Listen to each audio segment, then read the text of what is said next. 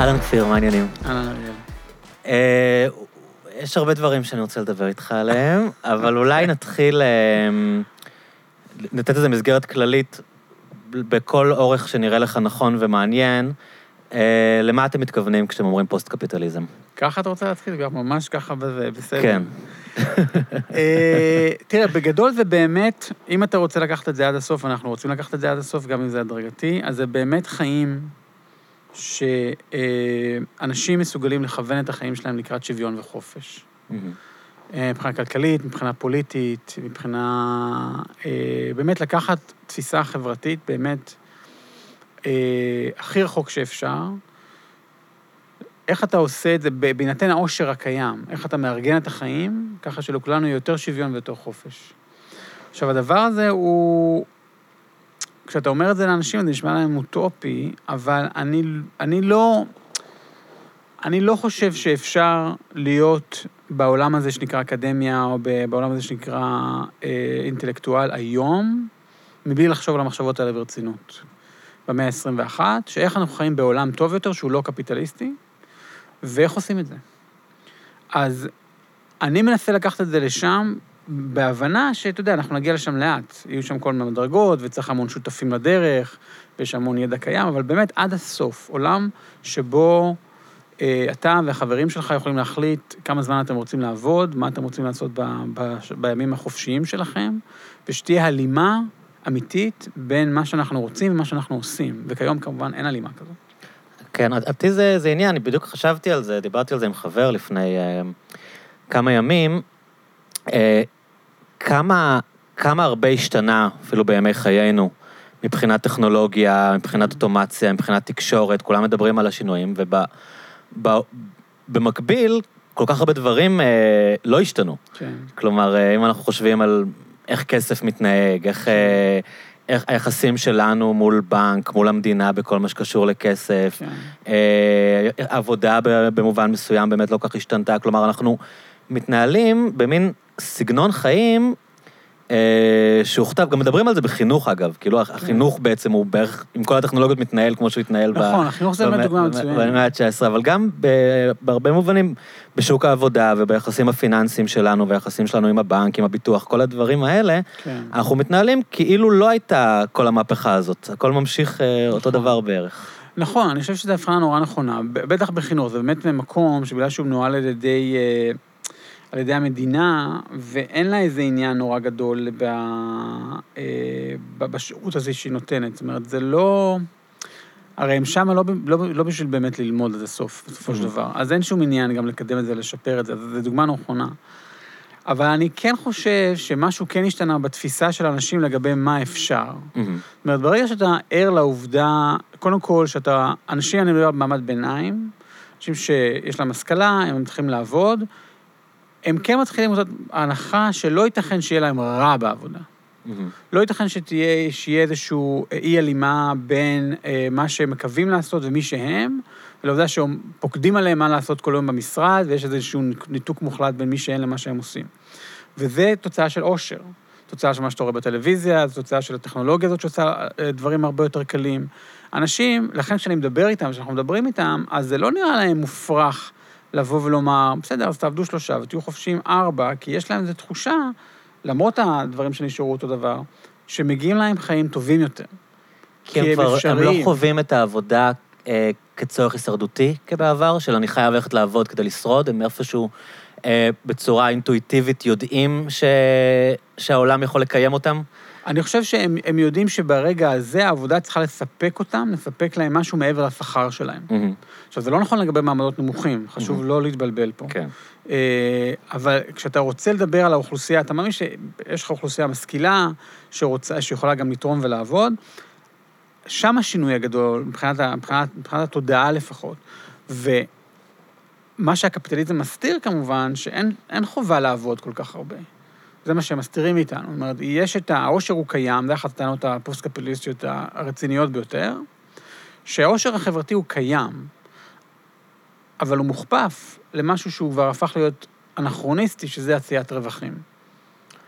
אם, אם ניקח את זה לרמה יותר פרקטית יומיומית, אה, אנחנו עובדים תשע שעות ביום או שמונה שעות ביום, כמו שאולי אפילו יותר, ממה שעבדו אה, ההורים שלנו וסבא וסבתא שלנו, כשבעצם הטכנולוגיה הייתה כן. שונה לגמרי, המקצועות היו אחרים. כן. כלומר, נשארנו עם מין מסגרת כזאת של ככה שבוע עבודה נראה. נכון. אה, כשבמקביל אנחנו כאילו רואים שינויים עצומים באוטומציה, העבודות הן מאוד שונות במהות שלהן, ועדיין המסגרת היא מסגרת כזאת של אתה עובד, מה שקוראים 9 to 5, כן. אה, ואתם בעצם, בתור האינטלקטואלים שיש להם את הפריבילגיה לשבת ולהסתכל על הדברים בחוץ, אומרים, למה, למה זה חייב להיות ככה, או... נכון. זאת אומרת, אנחנו יוצאים מנקודת הנחה שאנחנו נשענים פה על חוקרים כמו... זאת אומרת, מרקס אומר את זה כבר באמצע המאה ה-19, זה לא לגמרי חדש. כן, אבל אנחנו נשענים על חוקרים כמו מויש פוסטון, או כמו קצת פול מייסון ואחרים, שאומרים שבגלל האוטומציה, בואו ניקח את זה לרמה הכי גבוהה ואז נרד, בסדר? כן. אז בגלל האוטומציה, יש צורך קטן יותר בידיים עובדות, זה אחד, ואין צורך לייצר את העושר החברתי, את החולצה שלך, את הנעליים שלך, את הזמן הפנוי שלך, בכל כך הרבה עבודה. אין צורך לייצר את העושר ולהכפיף אותו לרווחים. זאת אומרת שאתה יכול לארגן היום את העבודה, את המפעל שלך, את החברה שלך, ולחיות ברמת חיים גבוהה מבלי להכפיף את העבודה הזאת לתנאי שאם זה לא עושה רווח, אז אני לא עושה את זה. מהמם. זאת אומרת, יש כבר יכולת, לה... והידע פה הוא נורא חשוב, הידע קיים. הדוגמה הכי טובה פה היא עם חקלאות. כן, נכון? שם אתה רואה את השינוי הדרמטי ביותר בין שבו רוב האוכלוסייה עובדת בייצור האוכל שלה, ואז אולי 2 אחוזים, זה המספרים שנותנים לרוב, עובדים בחקלאות. למה? כי אין צורך. כן. כשבעבר רוב. החברה עבדה בחקלאות. בחקלאות, זה מה שעשית, כן. נכון. עכשיו, זה, זה דוגמה שבו אתה מבין שמשהו השתנה לגמרי פה דרך האוטומציה, ולמעשה אתה יכול לקבל מה שאתה צריך בלי לעבוד עבור זה. הרי אף אחד מאיתנו לא עובד בלייצר אוכל. זה סוג הטענה, שלמעשה אתה לא צריך לעבוד כל כך הרבה בשביל לקבל שבעצם העולם הקפיטליסטי ממציא צרכים, אם, אם אני אה, מנסה להבין מה אתה אומר, כלומר, גם אם הכל כבר יש, אז הם ימציאו משהו חדש שאנחנו צריכים לייצר, כי ככה המכונה עובדת? אנחנו אני חושב שצריך פה קצת להיזהר ולהבדיל. אוקיי. זאת אומרת, אנחנו כן רוצים כל הזמן להמציא צרכים מהמם, ולמלא אותם, כן. אבל פה הצרכים מומצאים לעשיית רווחים. מהמם. זה לא, זה לא צריך להתקיים יותר. אנחנו יכולים לדאוג לרווחתם של אנשים עם הרבה פחות עבודה ובלי רווחים, כי הידע קיים. איך אתה עונה, זה כזה ה-101, כן. באמת המבוא של המבוא. אה, התפיסה של רוב האנשים, אני חושב, אה, בעולם, היא שצריך את הקפיטליזם כדי שלאנשים יהיה תמריץ.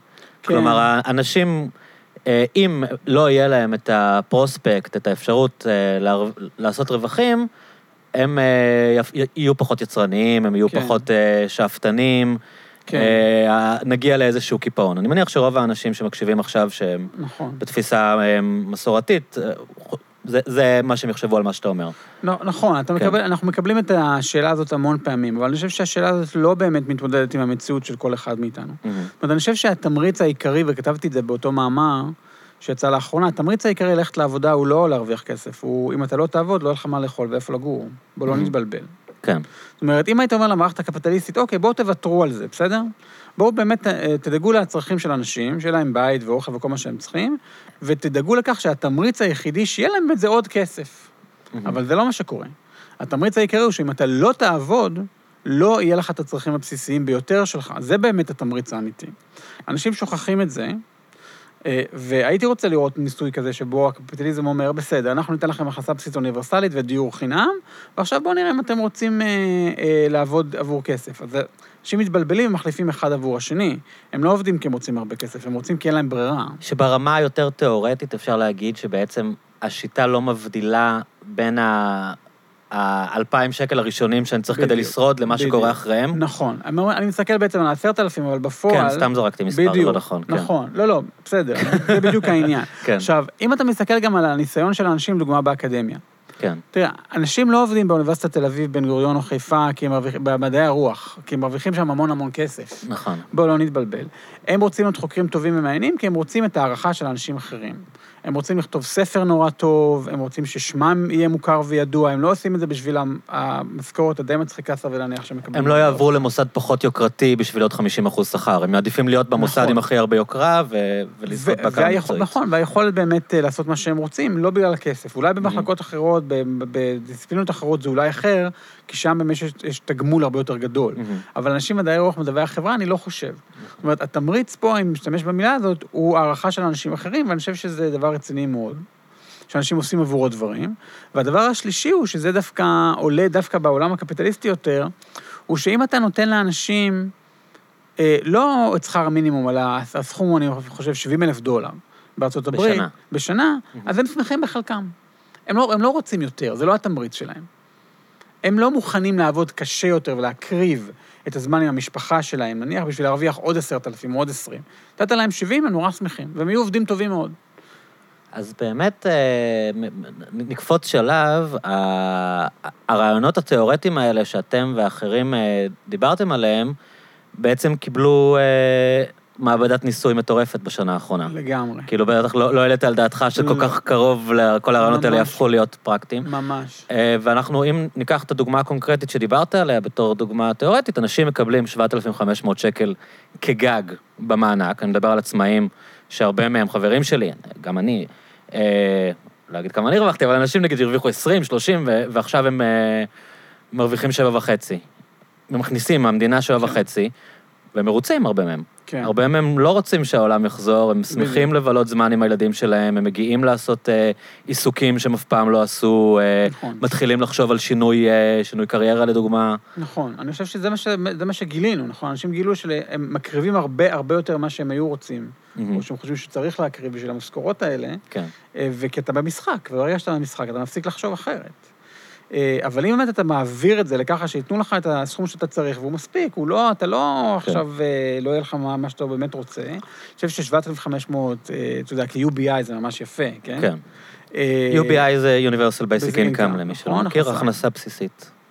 אז אני חושב שאנשים יפסיקו, אתה יודע, לעשות את זה. ואם הם ייקחו עבודות, הם ייקחו עבודות מספקות מאוד, שהשכר עליהם סביר להניח יהיה מאוד גבוה, כי אנשים, המעסיקים או המעבידים יצטרכו למשוך אותך לעבודות האלה, כי אתה לא תרצה לעשות את זה. ובצדק. כלומר, התשובה שלך לשאלה, אז מי יאסוף את הזבל, תהיה, אה, לאסוף את הזבל תהיה עבודה מכניסה. נכון, היא, תהיה, היא, היא, היא, היא תפוצה, מהמם. היא גם יקבלו עליה שכר יותר גבוה, או שיקבלו עליה תגמול מסוג אחר. זאת אומרת, אם אדם, אם לא פתרנו את זה אוטומטית, אז מהמם. אותו אדם או יעבוד פחות באותו שבוע עבודה קצר, הוא יעבוד אפילו פחות, או היא תעבוד אפילו פחות, וסביר שהתגמול יהיה יותר גבוה. כלומר, מין טבח בצבא שעושה שבוע-שבוע, הוא לעבוד בעבודה תפוקה?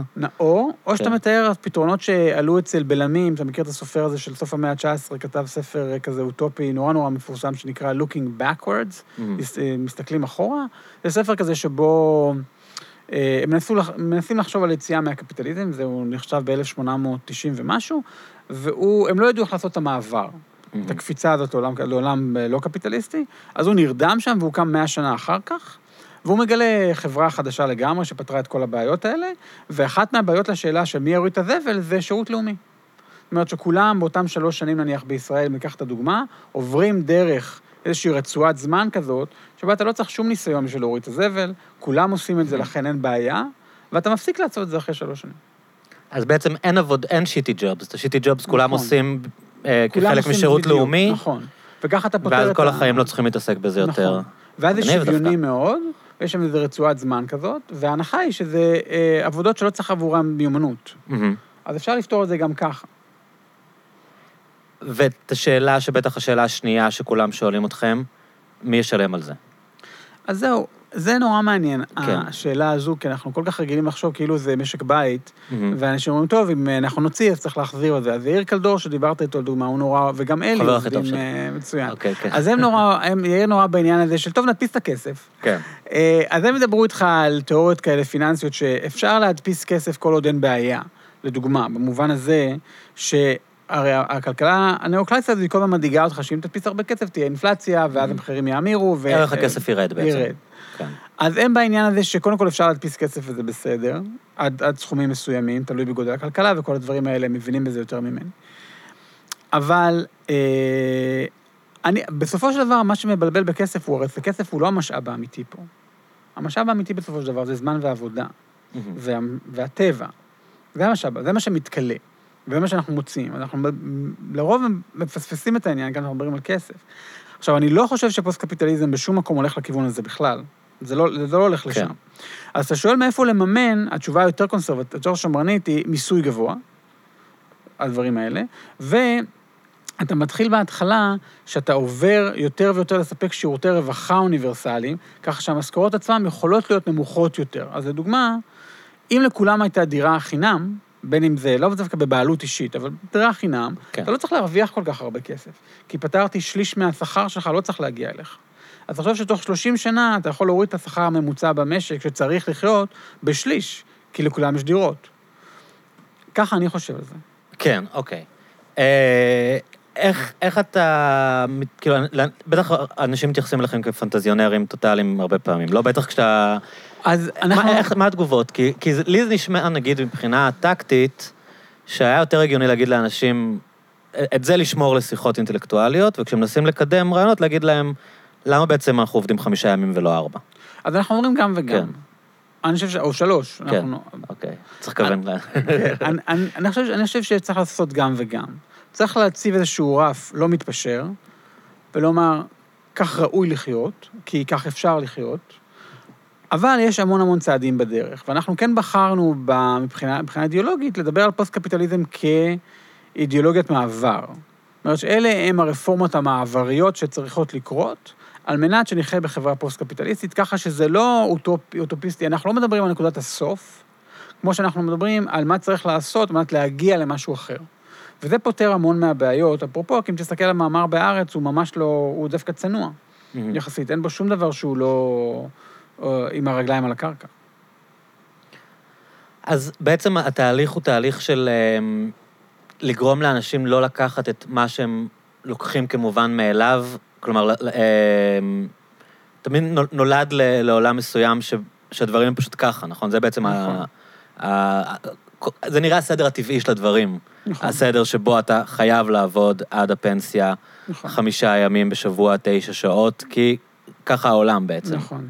ובעצם התהליך שלכם הוא לנסות אה, לערער על זה, להגיד לאנשים שזה...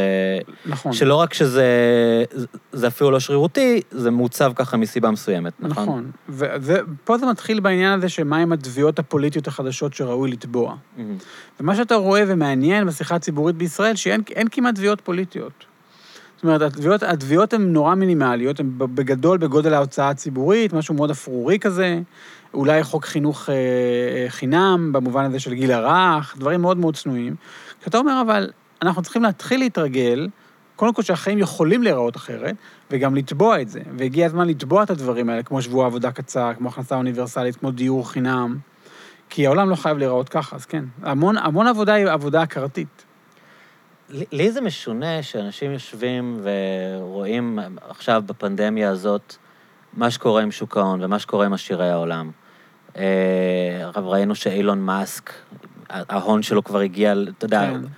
מ-30 מיליארד לפני הפנדמיה ל-120 מיליארד, לא שהמספרים האלה יש להם משמעות בכלל מבחינתי, אבל, אבל אתה רואה את הגידול המטורף באושר של האנשים, כן. של עשירי העולם, שבאמת זה כבר נהיה... כולם מכירים את הגרפים האלה, אתה יודע, איך זה גדל, אבל כן, זה, כן. זה פשוט, כאילו מישהו שחרר את ה... אתה יודע, את העוגן שהחזיק את זה, ופשוט הון עצום, וזה מעניין באיזושהי רמה שאנשים אה, יושבים ומפרגנים להם כזה, ואומרים, אה, כן. משחקים כאילו זה איזה, אה, אתה יודע, דירוג של טניס כזה, כן. ראית, אה, אילון מאסק עבר את ביל גייטס, אתה, אתה מבין שזה כסף ש...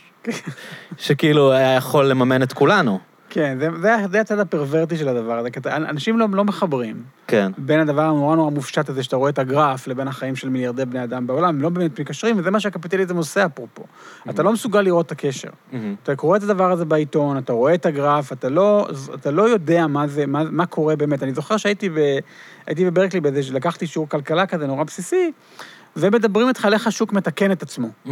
ואז יש שם, יש שם, זה, זה קורס של 300 uh, תלמידי BA, כן. והוא מראה לך, אתה רואה עכשיו הגרף זה השיפוע שלו, ואז יש תיקון שוק, ואז הגרף הוא אחר. כן.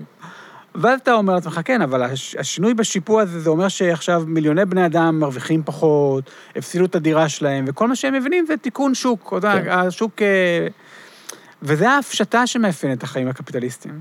זה לא בגלל שהחברה היא גדולה, זה בגלל שאין שום קשר בכלל בין מה שאתה עושה בחיים הפרטיים שלך למה שקורה בכלל החברה. יש לי דוגמה מאוד אה, טובה לזה, אני חושב, אה, שתמיד בישראל, במיוחד עכשיו, היה את העניין הזה עם התקציב, שתמיד הם מדברים, הפוליטיקאים מדברים על דירוג האשראי. כן. כאילו, כאילו, כאילו ההשלכה הכי נוראית של זה ש, שלא מעבירים את התקציב, זה מה יהיה עם דירוג האשראי, וכאילו, כן. איך זה רלוונטי לאנשים? אם, תראה, אם יש לך מיליוני דולרים ב- באג"ח שקלי, לא יודע, אני מבין למה אתה לא רוצה שדירוג האשראי של ישראל ירד, אבל מה אכפת לי מדרוג האשראי של... איך... זה כל כך לא מעניין אותי, כן. כש, כשההשלכות של זה שאין תקציב הן מאוד משמעותיות לחיים שלי, אבל נכון. המ- המסגור הוא אף פעם לא... מה קורה בחיים של האנשים האמיתיים, כאילו, זה כזה... מדברים בכל מיני... הפשטות כאלה, כן, בדיוק, נכון, מונחים מופשטים של מופשטים. דירוג האשראי, שאני אמור להגיד, וואו, דירוג האשראי, רק שלא הורידו דירוג האשראי. כן, ואז ביבי בא נכון. ואומר, אה, צוחק עליהם, לא הורידו את דירוג האשראי, כן. ועכשיו אני אמור, כאילו... כן. אז זה בעיה פוליטית. כן. זה באמת בסופו של דבר זה לא בעיה כלכלית, זה בעיה פוליטית מכיוון שאין שום קשר בין אנשים, בין, חיים, בין החיים הפרטיים של אנשים למה שקורה במסגרות Mhm. הפוליטיות שלהם, והמערכת הפוליטית הפסיקה לתווך באמת. היא כבר לא מתווכת בין מה שקורה בחיים שלנו למה שקורה שם בכנסת, וזה חלק מהבעיה של מה זה סדר קפיטליסטי. למה אתה מתכוון לתווך? זאת אומרת, תראה, נניח שחלק מהחיים שלך ושלי היו שאנחנו נמצאים באיזושהי רמה קהילתית בקהילה שלנו, שיש לנו שם בנק קואופרטיבי כזה, ואנחנו מכירים את בעלי העסקים פחות או יותר, ואנחנו מחליטים מה לעשות עם הכסף. כי אנחנו רוצים בית ספר כזה, או שהכביש יעבור פה, דברים מהסוג הזה. יש קשר ישיר בין מה שאתה רוצה למה שקורה עם אנשים אחרים בשכונה. עכשיו, אין סיבה שהדבר הזה לא יתווך גם ברמות יותר גבוהות. נגיד, אוקיי, אני שייך כאזרח רגיל לאיזושהי התארגנות יותר רחבה, שבה אני יכול להחליט מה לעשות עם הכסף של כולנו, לא כפוליטיקאי. היה איזושהי שכבה כזאת שמתווכת, כן? בין העובדה שיש לך משאבים, לבין העובדה שאתה חי את החיים שלך הרגילים, וזה היה... ברמה שאני משלם. מיסים ואני מבין לאן הכסף הזה זה הולך. זה לא איזה משהו מופשט של 34 אחוז, 37 אחוז, ואלוהים יודע איפה זה מה נעלם. לעשות עם זה, כי אתה כן. מכיר פחות או יותר, אתה יודע מה המנגנון, ואתה יצרת אותו בעצמך, אז אין, יש ניתוק מוחלט כן. מה אנשים לא. חושבים על הכסף של המיסים ככסף שחוזר אליהם, זה כאילו המדינה לקחה, מה זה המדינה? כאילו. כן, הם, הם גם, בח- כן, הם אולי רואים שפעם בונים כביש. כן. אתה יודע, ככה הם יכולים לראות את זה, אולי מישהו קנה איזה מטוס. כאילו ככה זה עובד, כן. אבל אתה יודע, זה לא... כי אין שום הליך פוליטי שבו אתה אומר, אוקיי, זה התקציב, ועכשיו בואו נראה מה, איך היינו רוצים שתקציב הבריאות ייראה ולמה. אין שום הליך כזה שמכניס אותך פנימה, אה, שמדבר על ההליכים האלה. אלי קוקוויצר מדבר קצת על זה ב, ב, בפרק שהוא יכתוב, על... על- שיהיו אפליקציות כאלה שיעזרו לך לתווך בין, ה, בין ההחלטה הפוליטית שלך למה לעשות עם הכסף. עכשיו, יש פה עוד רמות של תיווך שצריכות להיות, אבל זה אין בכלל. שגם קצת כמו שדיברנו על, ה, על המסגרות ה, הישנות, כן. אה, אנחנו יכול, יכולים לחשוב גם על המערכת הפוליטית ככזאת שלא התאימה את עצמה בשום רמה לכל השינויים בטכנולוגיה והתקשורת. כאילו, ש- כל מיני קונספטים של אה, כן. דמוקרטיה ישירה, ש- ההצדקות ל... אחת ההצדקות לפחות לשיטה ייצוגית, ל- לפוליטיקה של אה, נבחרי ציבור, כן. הייתה פרקטית. הייתה, אתה בוחר את האנשים כן. שייצגו אותך שם, כי אתה לא יכול להחליט על כל דבר, וזה לא פרקטי שיתייעצו עם אנשים מה לעשות עם דברים יומיומיים.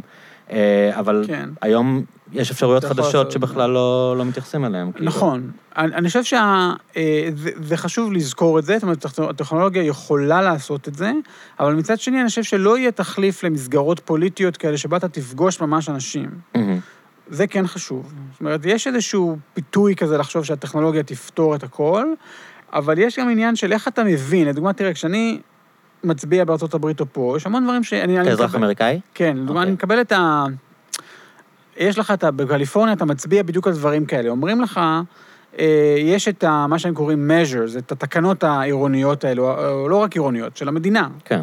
ואתה מצביע, על- אתה יכול להצביע על כך, האם לתת יותר כסף לבתי ספר וזה, אתה אזרח רגיל, ואתה מצביע על הדברים האלה. עכשיו, אין לך שום יכולת להבין מהברושור שקיבלת אם זה טוב או לא טוב. זה בלוף, כאילו. לא, אחד מהם הוא לא. השני, אחד, תמיד יש שניים שמתחרות. אחד ממומן, לרוב על ידי בעלי הון וגופים אחרים, והשני הוא באמת... לא, אני מתכוון, התהליך הוא קצת בלוף. התהליך של לתת לך בחירה כשאתה לא כן, מבין אתה על לא מה אתה מבין, מצביע. אתה או- לא מבין. כן. אתה לא מבין עד הסוף, ואז צריכים לייצר בדיוק את המקום הזה שבו אז אה, נציג הוועד בא ואומר לך, תראה, ככה צריך להצביע. מהמם. אז הוא פותר לך את הבעיה. כן. אבל זה כי חסר בדיוק המסגרת שבו אתה תבין איך זה יכול לעבוד. אז אני לא לגמרי בעד האוטופיה הטכנולוגית, מהמם. זה צריך לפתור חלק מהדברים, אבל לא את כולם. כן, אני פשוט מדבר על זה ש, ש, שכלום לא השתנה, אתה מבין? שכאילו, שה, שיש פשוט אה, כל מיני מסגרות שהם נשארו איתנו, נשארו איתנו מהמאה ה-19, נשארו איתנו... אז פה כן אין, צריך אין לדייק. רוויזיה בלחשוב על... על אה, אז, אז הם כן הש- השתנו כי הקפיטליזם שינה אותם, אבל הם- לא השתנו במובן שאתה מדבר עליו. כן, הם השתנו במובן הזה שאם אתה מסתכל על מפא"י, מפא"י לא הייתה מפלגה כמו שהליכוד או, מה- או, או אה, מה זה היום, העבודה. הם לא עבדו ככה. כן. זאת אומרת, במפא"י אה, היו, אה, זה קשורה להסתדרות, והיו לה מפעלים, והיו לה איגודי עובדים. זאת אומרת, היה את התיווך הזה שדיברתי, היה איזושהי, היה איזושהי רצועה של אנשים, מהמם. מוסדות, גדלת בתנועת נוער, אה, הכרת את ה... את ה אולי, לא, אולי לא את המנהיגים במפלגה, אבל אתה חוברתת לתוך איזשהו קיום שהוא חצי פוליטי, מהמם. והיה היה לך פחות או יותר ברור מה זה מפלגה. אה, בוודאי אתה- אם אתה באיגוד עובדים, שהוא מצביע למפלגה מסוימת, זאת אומרת, היה יותר קשר בין הרמות השונות של השדה החברתי. אבל עם ההפרטות בחברה הישראלית, האופי של הפוליטיקה השתנה לגמרי. היום למפלגה אסור שיהיה עיתון, ואסור שיהיה לה ועד עובדים. זאת אומרת, יש ניתוק. הפוליטיקה זה רק פוליטיקה, זה כאילו התפיסה הליברלית של הדבר זאת הזה. אומרת, אנשים חוו את החיים הפוליטיים שלהם באופן יותר אינטנסיבי? יותר, יותר מחוברת. כי כשאתה הלכת ל- ל- לתנועת נוער, היה לך ברור שזו התנועת נוער של המפלגה הזאת. מהמם. וכשהלכת לוועד שלך, היה ברור שהוועד קשור לאיזשהו ארגון פוליטי, והאנשים בעירייה, דברים כאלה. כשהיום פוליטיקה זה כמו אה, עוד מוצר, נגיד? אני, אני קונה את זה, יש שוק שאני פשוט אה, בוודאי. לא מחויב לכלום, ומי שנותן לי את ההצעה כן. הכי טובה, אני בוחר בו. באותה פעם? לגמרי. אני חושב שלכן אנחנו מדברים נורא נורא על הצבעות, כי לא נותר מה, מהדמוקרטיה שום דבר, חוץ ממה שאתה שם בקלפי אה, פעם בארבע שנים, זה מופשט לגמרי. ואז בגלל שזה מופשט, אתה רואה את התנועה באמת הקיצונית הזאת של אנשים שפעם מצביעים ככה, פעם מצביעים ככה, פעם מצביעים... איך ייתכן? אתה יודע, איך הם יכולים לעבור מעבודה לבנט? אומרת, איך, איך ייתכן ש, שבנט לרגע אחד זה, זה אופציה, ואחרי ארבע שנים זה ממש לא, כי אתה בשמאל הקיצוני בכלל ואתה מצביע הרשימה המשותפת. למה? כי אין שום קשר בין החיים שלך לפוליטיקה. אין, אין, הם ניתקו את זה לגמרי. אה, היה את הסופר הצרפתי הזה, אה, דידייה ריבו. שכתב את הספר הזה חזרה לרימס. כן, אה, שמעתי לא מזמן זה. זה תורגם לעברית, אז כן, שם הוא מתאר נורא יפה אוקיי. את הרגע הזה שבו הפועלים הפסיקו, המפלגה, המפלגות הפסיקו לתווך להם את הפוליטיקה, וזה הפך להיות מופשט לגמרי. אתה, אין שום קשר בין ההצבעה שלך לאנש, לאנשים שאתה מצביע עבורם, זה מופשט לחלוטין. אז זה, זה משהו שקרה לפוליטיקה והשתנתה, אבל אתה צודק במובן הזה שכשאתה מדבר על טכנולוגיה ואיך אפשר לחשוב על פוליטיקה אחרת, זה בוודאי לא השתנה. לאיזה פוליטיקאים אה, זה מסייע, סוג כזה של משחק? כלומר, אה, נגיד אני חושב על ההצלחה של ביבי בעשור האחרון. איך, אה, איך סוג כזה של פוליטיקה עוזר, עוזר לדמויות כמוהו בעצם ל, לנצח? אני, תראה, זה לא פשוט לנצח ככה. זאת אומרת, זה לא, זה לא שזה בהכרח פשוט יותר. מהמם. אני חושב שזה זול יותר, במובן הזה שאתה לא צריך... הרי מה הקושי, לדוגמה, כשמדברים על שמאל חדש בישראל, אחד הדברים, יש שתי שיטות. אחד זה להקים את המפלגה ולקוות שיצביעו עבורה, אבל אתה שומע גם שיחה אחרת שאומרת, לא, צריך תנועה חברתית. מהמם. צריך לבנות את זה, וצריך להכיר את האנשים, וצריך לבנות את המועדונים האלה בשכונות, וצריך לבנות את זה מלמטה, וזה תהליך נורא ארוך ויקר ומורכב, וזה הלך לאיבוד. עכשיו, אז במובן הזה, הפוליטיקה היום היא זולה יותר, כי כל מה שאתה צריך זה איזשהו גוף תקשורת, שמסוגל לייצר לך את התכנים האלה, ועדיין נורא דומיננטי וכריזמטי, וכמובן, איזשהו מערך עם משאבים שיכול לחלק כסף. זה מה שקורה, אני מניח, במפלגות שהן קשורות לשלטון. אז אני לא יודע אם זה קל יותר או זה עוזר יותר, אבל אני יודע שאם אתה יודע איך להשתמש בכלים החדשים האלה, של תקשורת מצד אחד, והיכולת לקשור אליך אנשים דרך חוזים וקבוצות מסוימות, לדוגמה, מה שאיילת שקד, לדוגמה, אמורה הייתה לעשות דרך ארגון העורכי הדין וכל מיני דברים כאלה. איך אתה, איך אתה כובל קבוצות מסוימות, זה כן פוליטיקה ישנה. כדי שהמעורבות תהיה כזאת שאתה קשור לארגון ולא לבן אדם ספציפי שמוצא חן בעיניך באותה פעם? אז- כאילו, אני חושב שאתה עדיין צריך להיות קשור לארגונים, אבל uh, יש משהו ב... אני חושב שזה המון המון... מה שמתווך היום את הפוליטיקה זה באמת התקשורת. אז אם אתה יודע איך להשתמש בתקשורת, אז זה עוזר לך, אבל זה לא בהכרח קל יותר. זה לא בהכרח קל יותר. מה שקל יותר הוא שאתה לא, לא חייב להיות מחויב לכלום. זה מה שפוליטיקה אומרת היום. אתה לא, אין, אין מצעים, אתה לא חייב להתחייב לשום דבר או לפרוש בגלל שלא קיימת, זה לא, אף אחד גם לא מצפה ממך את זה כפוליטיקאי. לא, אני, פשוט מדהים, אתה, היום, אני לא יודע אם הסקרים האלה שווים משהו, אבל אתה רואה את הסקרים הראשונים של גדעון סער, ואתה רואה שהוא לוקח חצי מהמנדטים של אה, כחול לבן. לא, לא, נכון. ואתה יודע, איך זה, כן. איך זה יכול להיות, בדיוק, כאילו? זה העניין הזה, שיש אפס קשר. זה ממש כמו שאתה אומר, זה לקחת מהמדף משהו כזה או משהו כזה. אין, ש- אתה גם לא יכול להבין אפילו את הקשר, אתה לא חווה אותו בשום דרך. בגדול אנשים חווים את הפוליטיקה בדרך הצפייה בטלוויזיה. או... אז, אז זה, זה בעצם דמויות, עכשיו הדמות הזאת באה לי. טוב, זה כמו להעביר ערוץ, כאילו, אני, הספיק לי עם ההוא, אני רוצה את ההוא? כזה, וגחמתי מאוד. ועכשיו לא בא לי כזה, והוא אכזב אותי נורא, אז אני רוצה, ואני לא מאמין לו עכשיו. על בסיס מה אתה מאמין לפוליטיקאי? אין לך מושג, אין לך שום מושג בכלל, לרוב, מה הוא עשה, מה הוא יעשה, מהרגע שאתה בכלל לא עובד ככה, ואתה גם לא חושב שאתה אמור לבחור על פי הקריטריונים האלה, זה נראה לך אפילו מופרך. שאני אלמד מי זה הפוליטיקאי? יש אנשים שמדברים ככה, אבל זה אנכרוניסטי, רוב האנשים לא בוחרים כך. זה תוצאה של קפיטליזם. זה לא האופי של הפוליטיקה. באמת, אה, בדברים השונים שדיברנו עליהם, אז בכולם אה, יש את האלמנט התודעתי, כאילו, את האלמנט של איך אה, התפיסה של האנשים השתנתה, דיברת על, על רמות הפשטה משונות, ש, שאנשים לא חושבים על הדברים בכלל במונחים קונקרטיים. אני, אשים פה איזה מסגרת, אתה בעצם חוקר ספרות במקור, נכון? או במקביל. אז, אז זהו, זה לא מדויק לשים- את זה ככה. זאת Mhm. אומרת, ההכשרה שלי היא באמת בין-תחומית כי התעקשתי עליה. Mhm. זאת אומרת, היה לי ברור מרגע מסוים שאתה לא יכול ללמוד ספרות בלי להבין כלכלה ופוליטיקה, אז לכן המסלול שעשיתי לעצמי בברקלי היה כזה. זאת אומרת, Mhm. הלכתי ולמדתי היסטוריה וסוציולוגיה ואנתרופולוגיה ומדע המדינה, והבנתי אה, שאם אני רוצה להבין מה קורה בחברה הישראלית, והחברה הצרפתית והפלסטינית, אותם למדתי, אז אני כדאי מאוד שאני אבין גם מה קורה בחברות האלה מעבר לייצור הספרותי שלהם. זה אומנם לא נפוץ, מה שעשיתי, אבל הוא הכרחי בעיניי. כשבעצם אתה אה, חוקר אה, איך הדברים האלה באים לידי ביטוי בסוף ב... ב... בעולמות האלה של הרעיונות, נכון? בעולמות, בתרבות. אז אני חושב שזה אמור להיות כפול. זאת אומרת. אתה אמור, יש משהו משותף ליחסים החברתיים ולתרבות. לכן אם הבנת משהו גם על ספרות, הבנת גם משהו על היחסים החברתיים והפוך. אז זה לא תהליך בכיוון אחד. זאת אומרת, כשאני מנסה להסביר משהו על ספרות ישראלית, אני גם אומר משהו על החיים, אה, של היחסים החברתיים, שסוציולוגים בהכרח לא, בגלל שהם לא עובדים באותה הדרך, כשאני עובד בה נניח, אז הם לא היו רואים את זה נניח. אז, אז חשוב לי ה- ה- המעבר הזה תמיד, ולהישאר כל הזמן בין השניים. אבל אני לא סוציולוג במובן הזה שאני הולך ומדבר עם אנשים. אוקיי. לא, אתה מנתח טקסטים. נכון. אה, השינויים האלה שדיברנו עליהם, ברמה הכי גסה, אה, איך הם, איך הם באים לידי ביטוי ב... ב... ברמה הכי כללית, איך הם באים לידי ביטוי ביצירות אומנות, ב... ביצירות ספרותיות? זה, זה נושא מורכב, זאת אומרת, כן. כן. אני מנסה, שני המושגים שאני משתמש בהם, שלפי דעתי הם קלים להבנה ו, ונוחים להסבר מה, Mhm. מה שקורה.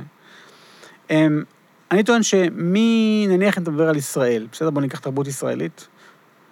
מ-48 או מ-40 עד 85, העניין של סופרים היה לרוב עסוק במעשה, במעשה הגדול. בטח בשנות ה-30, ה-40 וה-50. זאת אומרת, לכתוב ספר, רומן, וגם לעשות סרט, היה כרוך בשאלה איך הדברים נעשים, איך ישראל נעשית, איך אני נעשה למי שאני, אה, איך הקיבוץ נעשה, איך האדמה נכבשת, אה, דברים, איך המלחמה נעשית. ככה שהדמויות עצמן היו דמויות שהן עושות את עולמן, עושות גם את הזמן שלהן. תמיד נותנים את הדוגמה הקלאסית שלו הלך בשדות, לא? אני חושב שזו דוגמה לא טובה. אוקיי, אז מה- שזה- מה דוגמה טובה? אני חושב שהרומן שאני מנסה להחזיר את הדיון הספרותי, הרומן בעיניי הפרדיגמטי ביותר, הוא אה, אדמה ללא צל, של... לא אתה. אתה לא מכיר את זה. זה היה רומן נורא גדול בשעתו, של אה, יונת ואלכסנדר סנד. וזה רומן היסטורי שמתאר פה את הקמה של קיבוץ.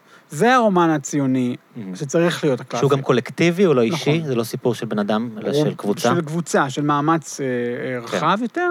יש שם רגעים כאלה אישיים, אבל זה מאמץ כזה שמסתיים, מתחיל בהקמת קיבוץ ומסתיים... אבל ב- אולי תיתן נגיד דוגמאות מתרבות יותר פופולרית. אז זהו, אז אני כן. אעבור. אוקיי. אז בגדול, אם היית סופר ורצית להיות סופר גדול, מהמם. זה מה, ש... זה מה שהיית צריך לעשות.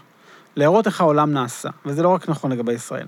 עכשיו, היו עוד כל מיני ניסיונות מודרניסטיים כאלה, נקפוץ עליהם, אבל משנות ה-90 ואילך, מה שאתה רואה יותר ויותר, זה עולמות שהם לא נעשים יותר, הם נקראים.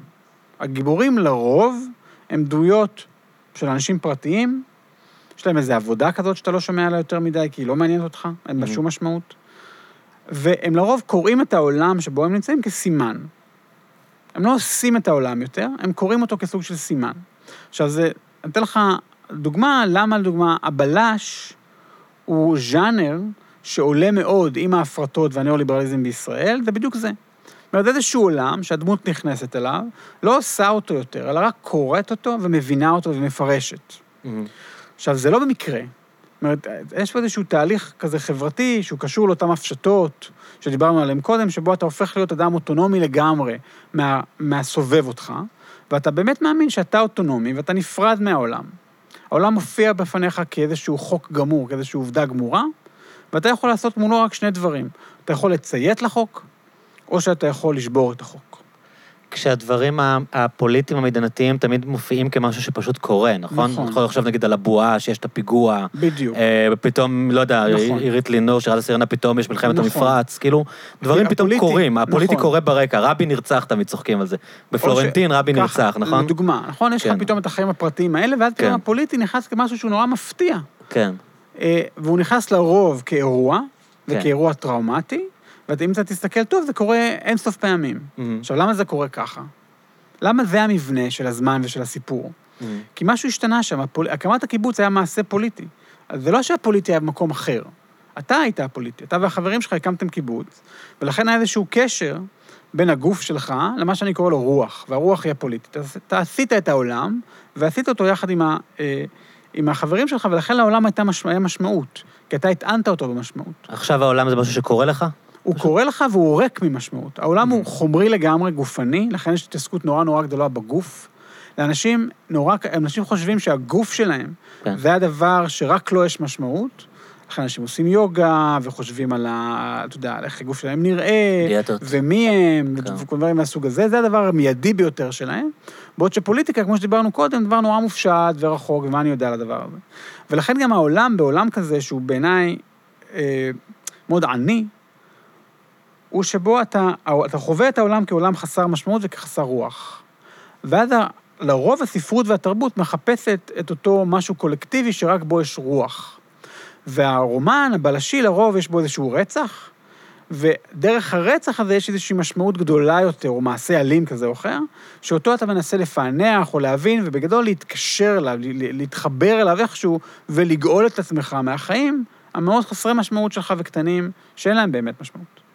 אז זה מה שקרה בתרבות הישראלית, ואני טוען שהיום היא קורית גלובלית, זה קורה בכל מקום. אז נגיד בואו נלך לדבר שהמאזינים שלנו יותר מחוברים אליו, אוקיי. סדרות טלוויזיה. מעולה. אה, באמת, הר- רצח זה דבר שקיים כמעט בכל סדרה, אם אנחנו חושבים על הסדרות הכי פופולריות בעולם, זה בדרך כלל, אני תמיד אמרתי אפילו בצחוק, אני אוהב רק סדרות שאנשים מתים בהן. אז- כאילו, כמעט כל הסדרות הקלאסיות שאנחנו חושבים עליהן, הן סדרות שאנשים מתים בהן. נכון. שאנשים נרצחים בהן, אפשר, אפשר להגיד. נכון. ו- ושם, וזה לא במקרה, זאת אומרת, כן. הרצח הוא הרגע שבו אתה מתחבר גם לחוק, והחוק הוא קולקטיבי, מהמם. ואתה אה, מתחבר למעשה שאסור לנו, זאת אומרת, ככה אתה יכול לדבר על קולקטיביות, רק ככה, דרך המעשה האלים. עכשיו, אם תשים לב, אני לא, לא, לא זוכר עכשיו, אה, נניח, אה, תוכנית ספציפית, תכף אולי תעלה לי אה, בראש, אבל מה שקורה זה שלרוב החיפוש של הרוצח קושר אותך להיסטוריה של המדינה, לפלסטינים, למזרחים, לאיזשהו קולקטיב, לאיזושהי בעיה קולקטיבית, שדרכה אתה מנסה, אבל זה נורא חשוב, לגאול משהו מעצמך. אז אתה רואה אדם שהתגרש, אדם שאיבד את ילדיו, אדם שאיבד טעם בעבודה, ואז הוא מחפש משהו, או מחפשת משהו. והדבר הזה, ככה שהפוליטי עצמו הוא לא משהו שהוא עומד בפני עצמו, אלא אתה משתמש בו על מנת לגאול את עצמך מהחיים חסרי המשמעות שיש לך. אם אתה רוצה לדבר על תוכנית טלוויזיה שאתה זוכר, אנחנו ננסה לעשות את הניסוי הזה אם התיאוריה שלי עובדת. נגיד ראית את מנאייק? כן, כן, אבל לא עד הסוף, אני פס- פספסתי את החצי שעה האחרונה. אוקיי, אבל שם זה גם, אה, אפשר להגיד שזה קצת קורה שם, לא? ההתעסקות כן. שלו בלתקן את העולם כן. נובע מהאישי בעצם. מהאשתו שעוזבת אותו. אה, זה מובא בתיקון כזה, כן. הם לא יכולים- הם לא יכולים אחרת, כן, ובסופו של דבר, ה payoff הוא לא הקנוניה, ה payoff הוא כאילו התיקון, או אי-תיקון, מהמם. של אותו, של אותה דמות.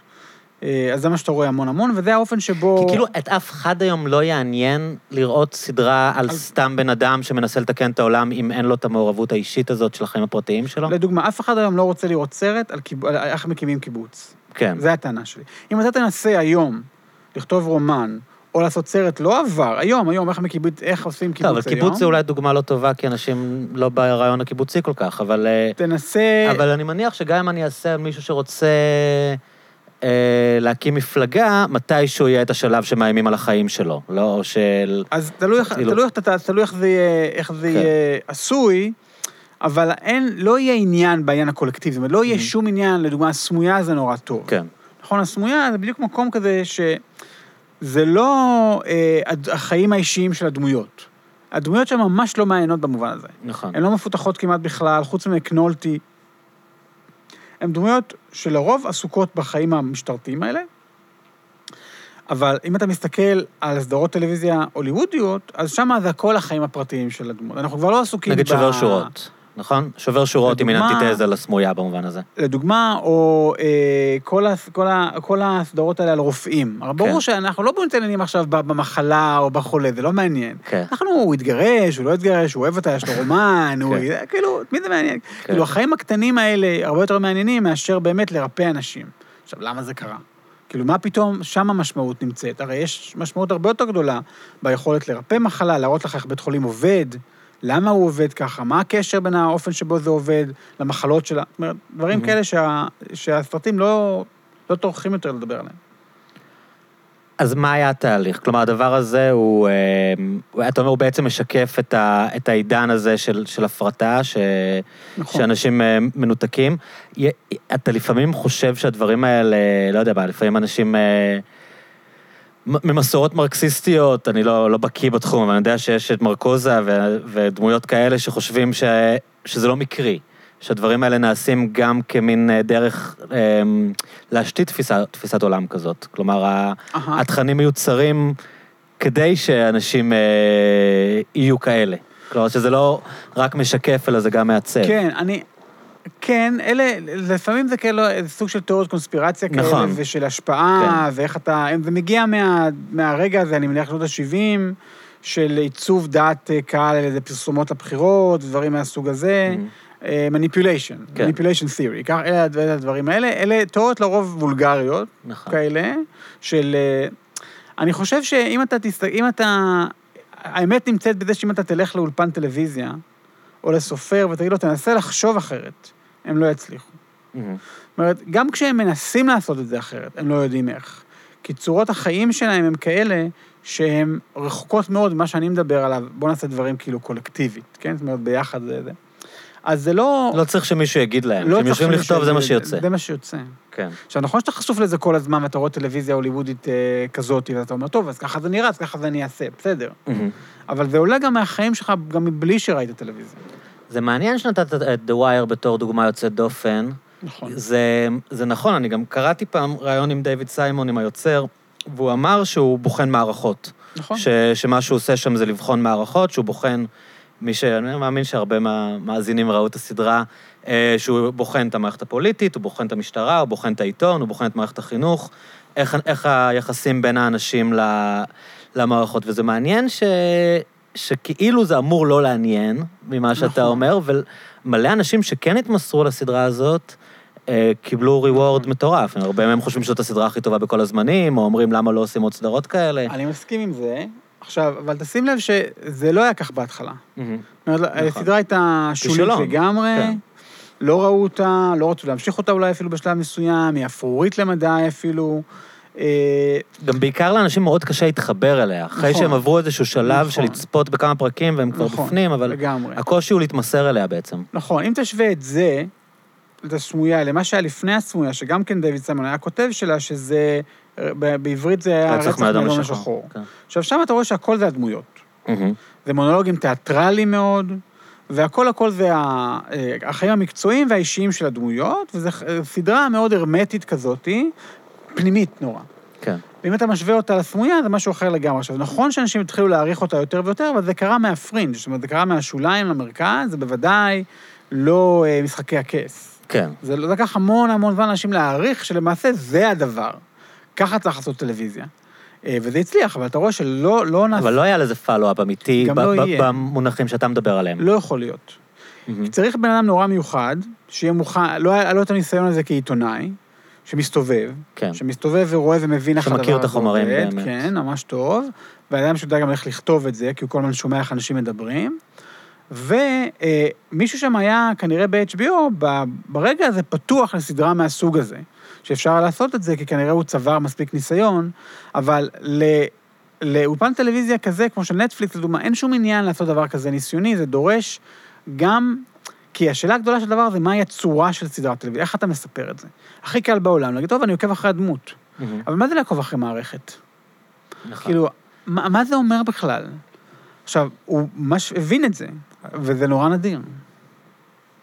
המבט הפנורמי הזה שהוא נותן על... אה, המערכתי, במובן הזה כן. שאתה צריך תמיד לשאול את עצמך, לא מה הדמות רוצה, אלא מול מה היא מתמודדת Mm-hmm. ב, ב, בדבר האימפרסונלי, שנקרא אה, חברת מש... כאילו, אה, אה, לא חברת כן, זה. דברים שאף פעם לא ראינו אה, לא.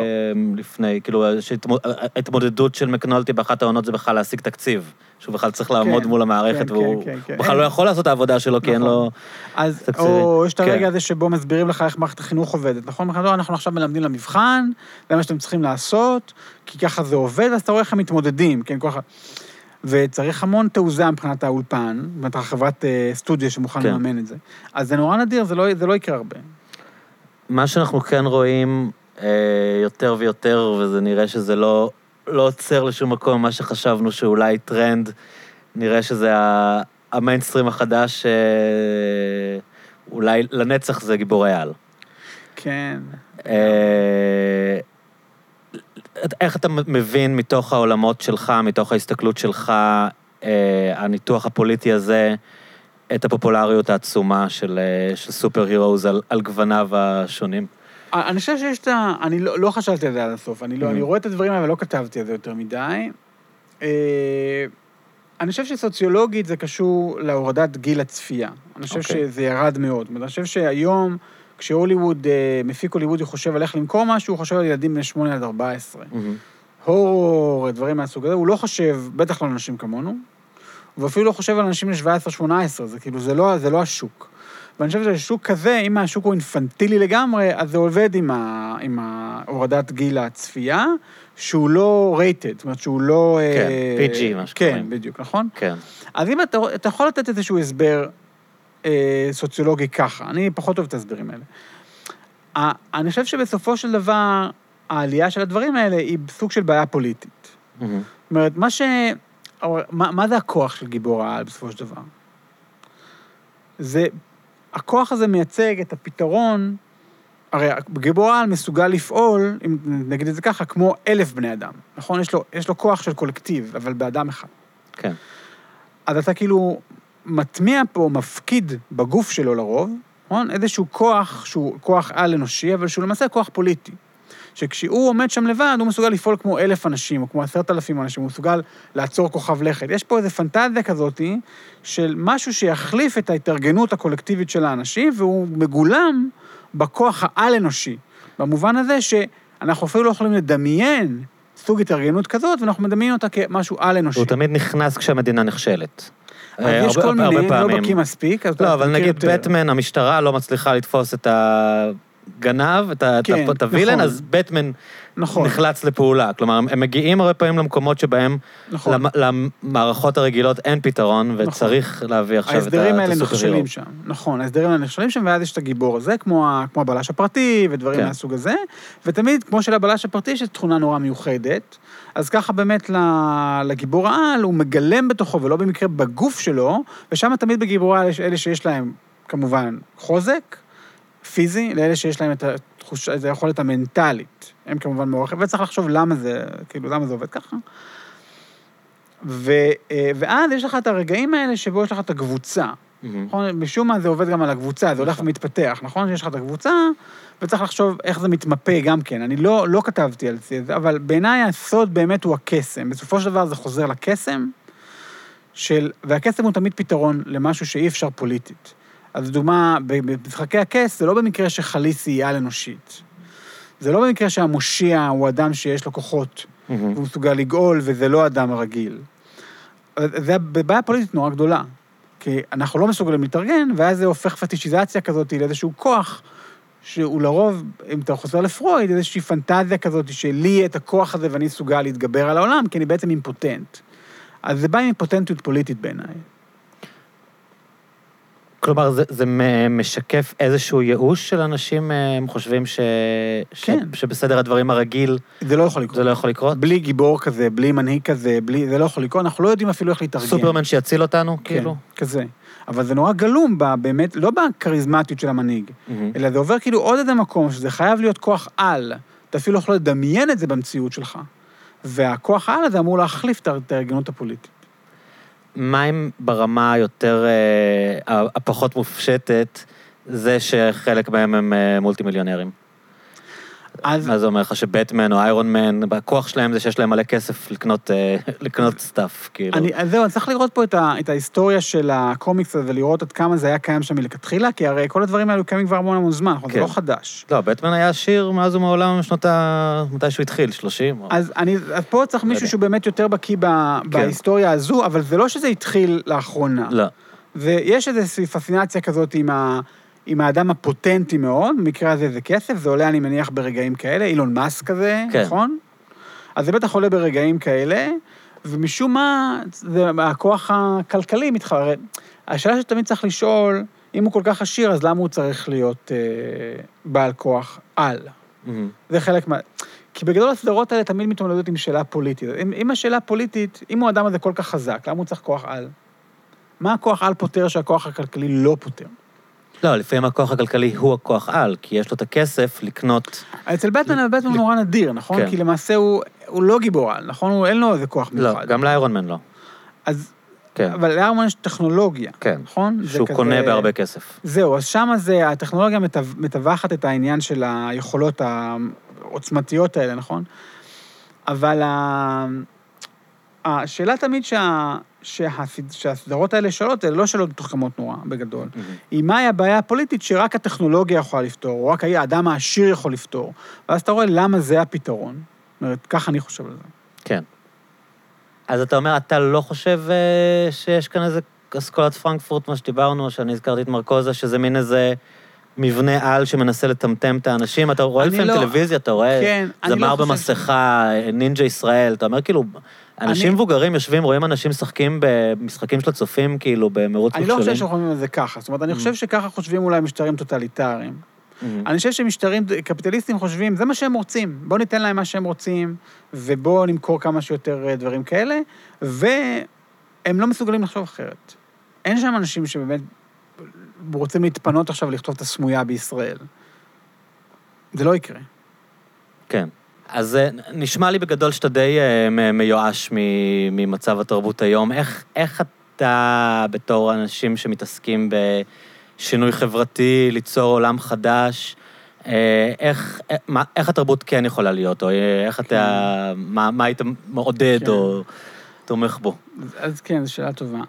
אני חושב שיש יש בגדול שתי שדרות של מחשבה בדבר הזה. אחת, זה המחשבה של, של, של הסרט או של הסדרה, שמסבירה לך איך העולם באמת עובד. ו, אה, וזה, בעיניי יש לזה ערך, ערך נורא גדול, ולכן הסרטים הדוקומנטריים הם, הם נורא חשובים היום, Mhm. יותר מפיקשן, והסמויה הצליחה לעשות את זה.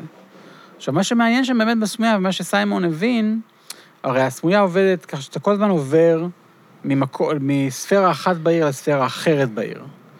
אבל בשום מקום אתה לא מצליח לתפוס כאילו את האשמים, נכון? זאת אומרת, זה, כמו שהוא אומר, הוא אומר, הרי אתה יכול לחשוב על מערכת, כמו שאמרת, שהוא כותב על מערכות, ובמערכות יש אדם חזק. או, והמערכת נראית ככה בגלל האדם הזה. אבל הוא בוחר לא לעשות את זה. זאת אומרת, הוא כל הזמן עובר, וזה כל הזמן הופך, תשים לב, ליותר ויותר גדול. זאת אומרת, זה עובר מהמשטרה, ואז ל... ל...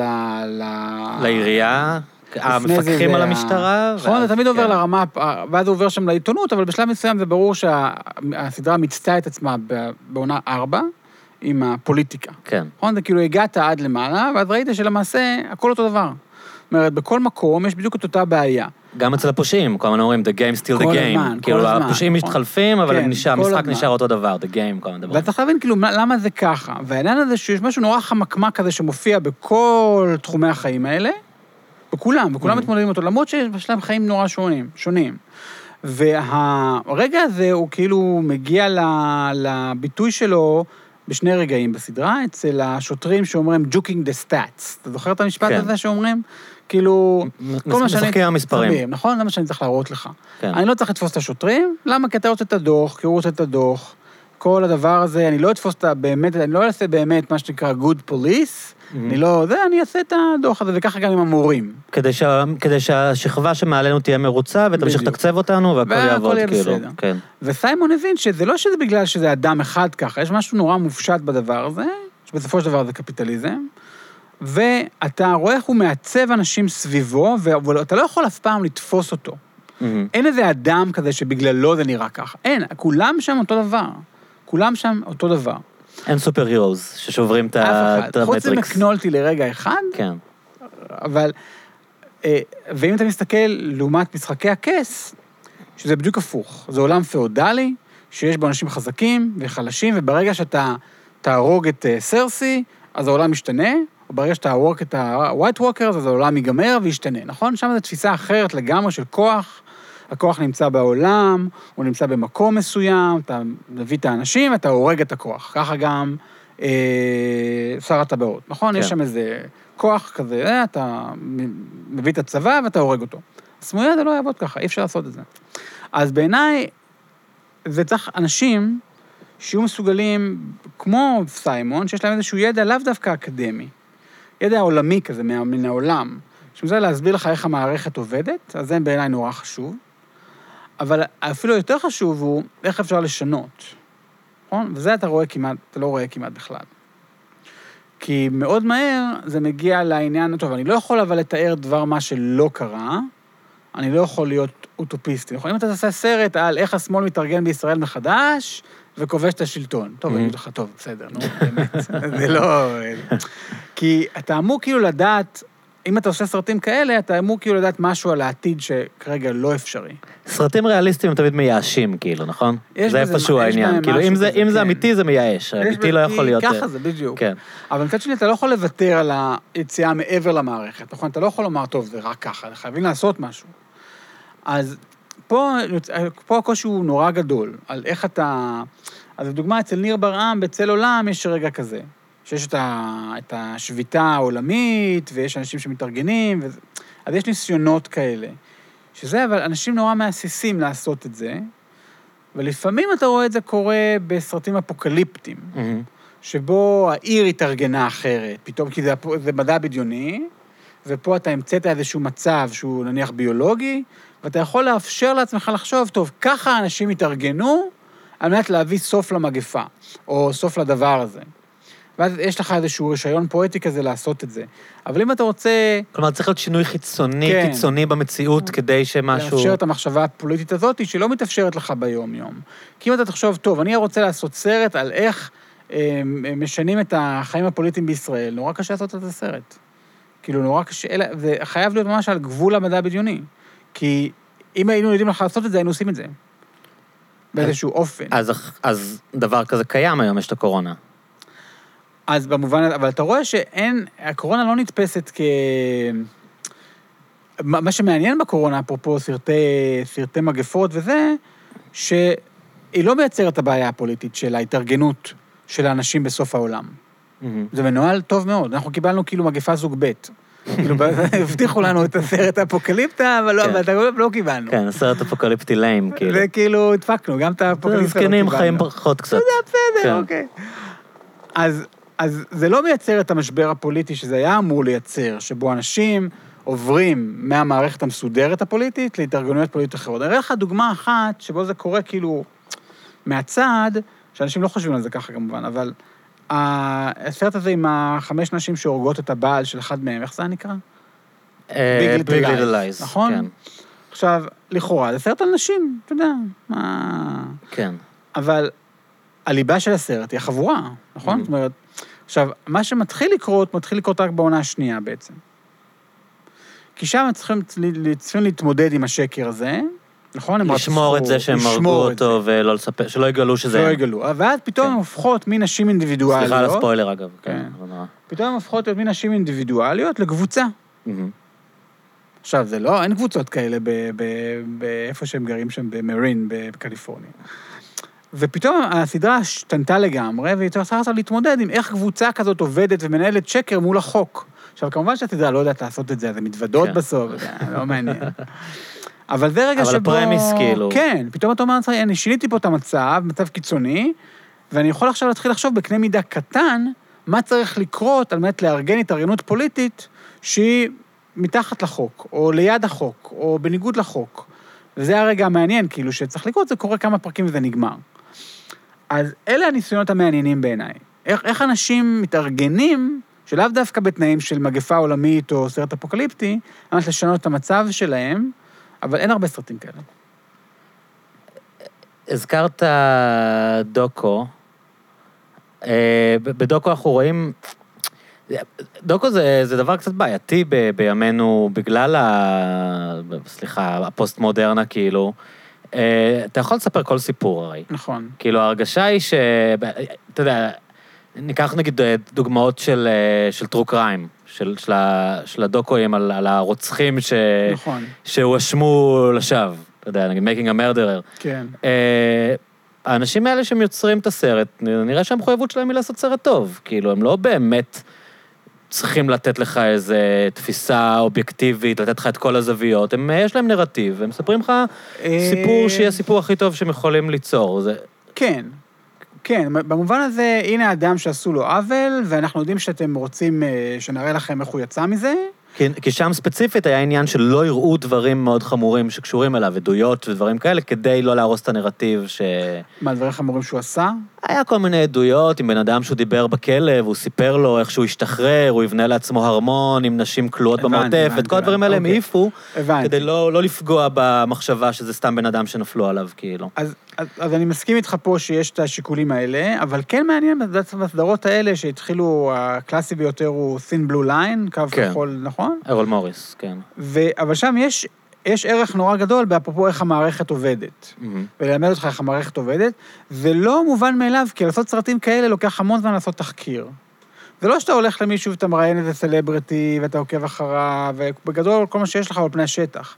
צריך ללכת, להוציא את החומרים, להתווכח עם אנשים, לפעמים אפילו לעשות משהו על מנת להשיג אותם לא באמצעים כשרים, על מנת לא- להוכיח, להוציא איזה אמת לאור.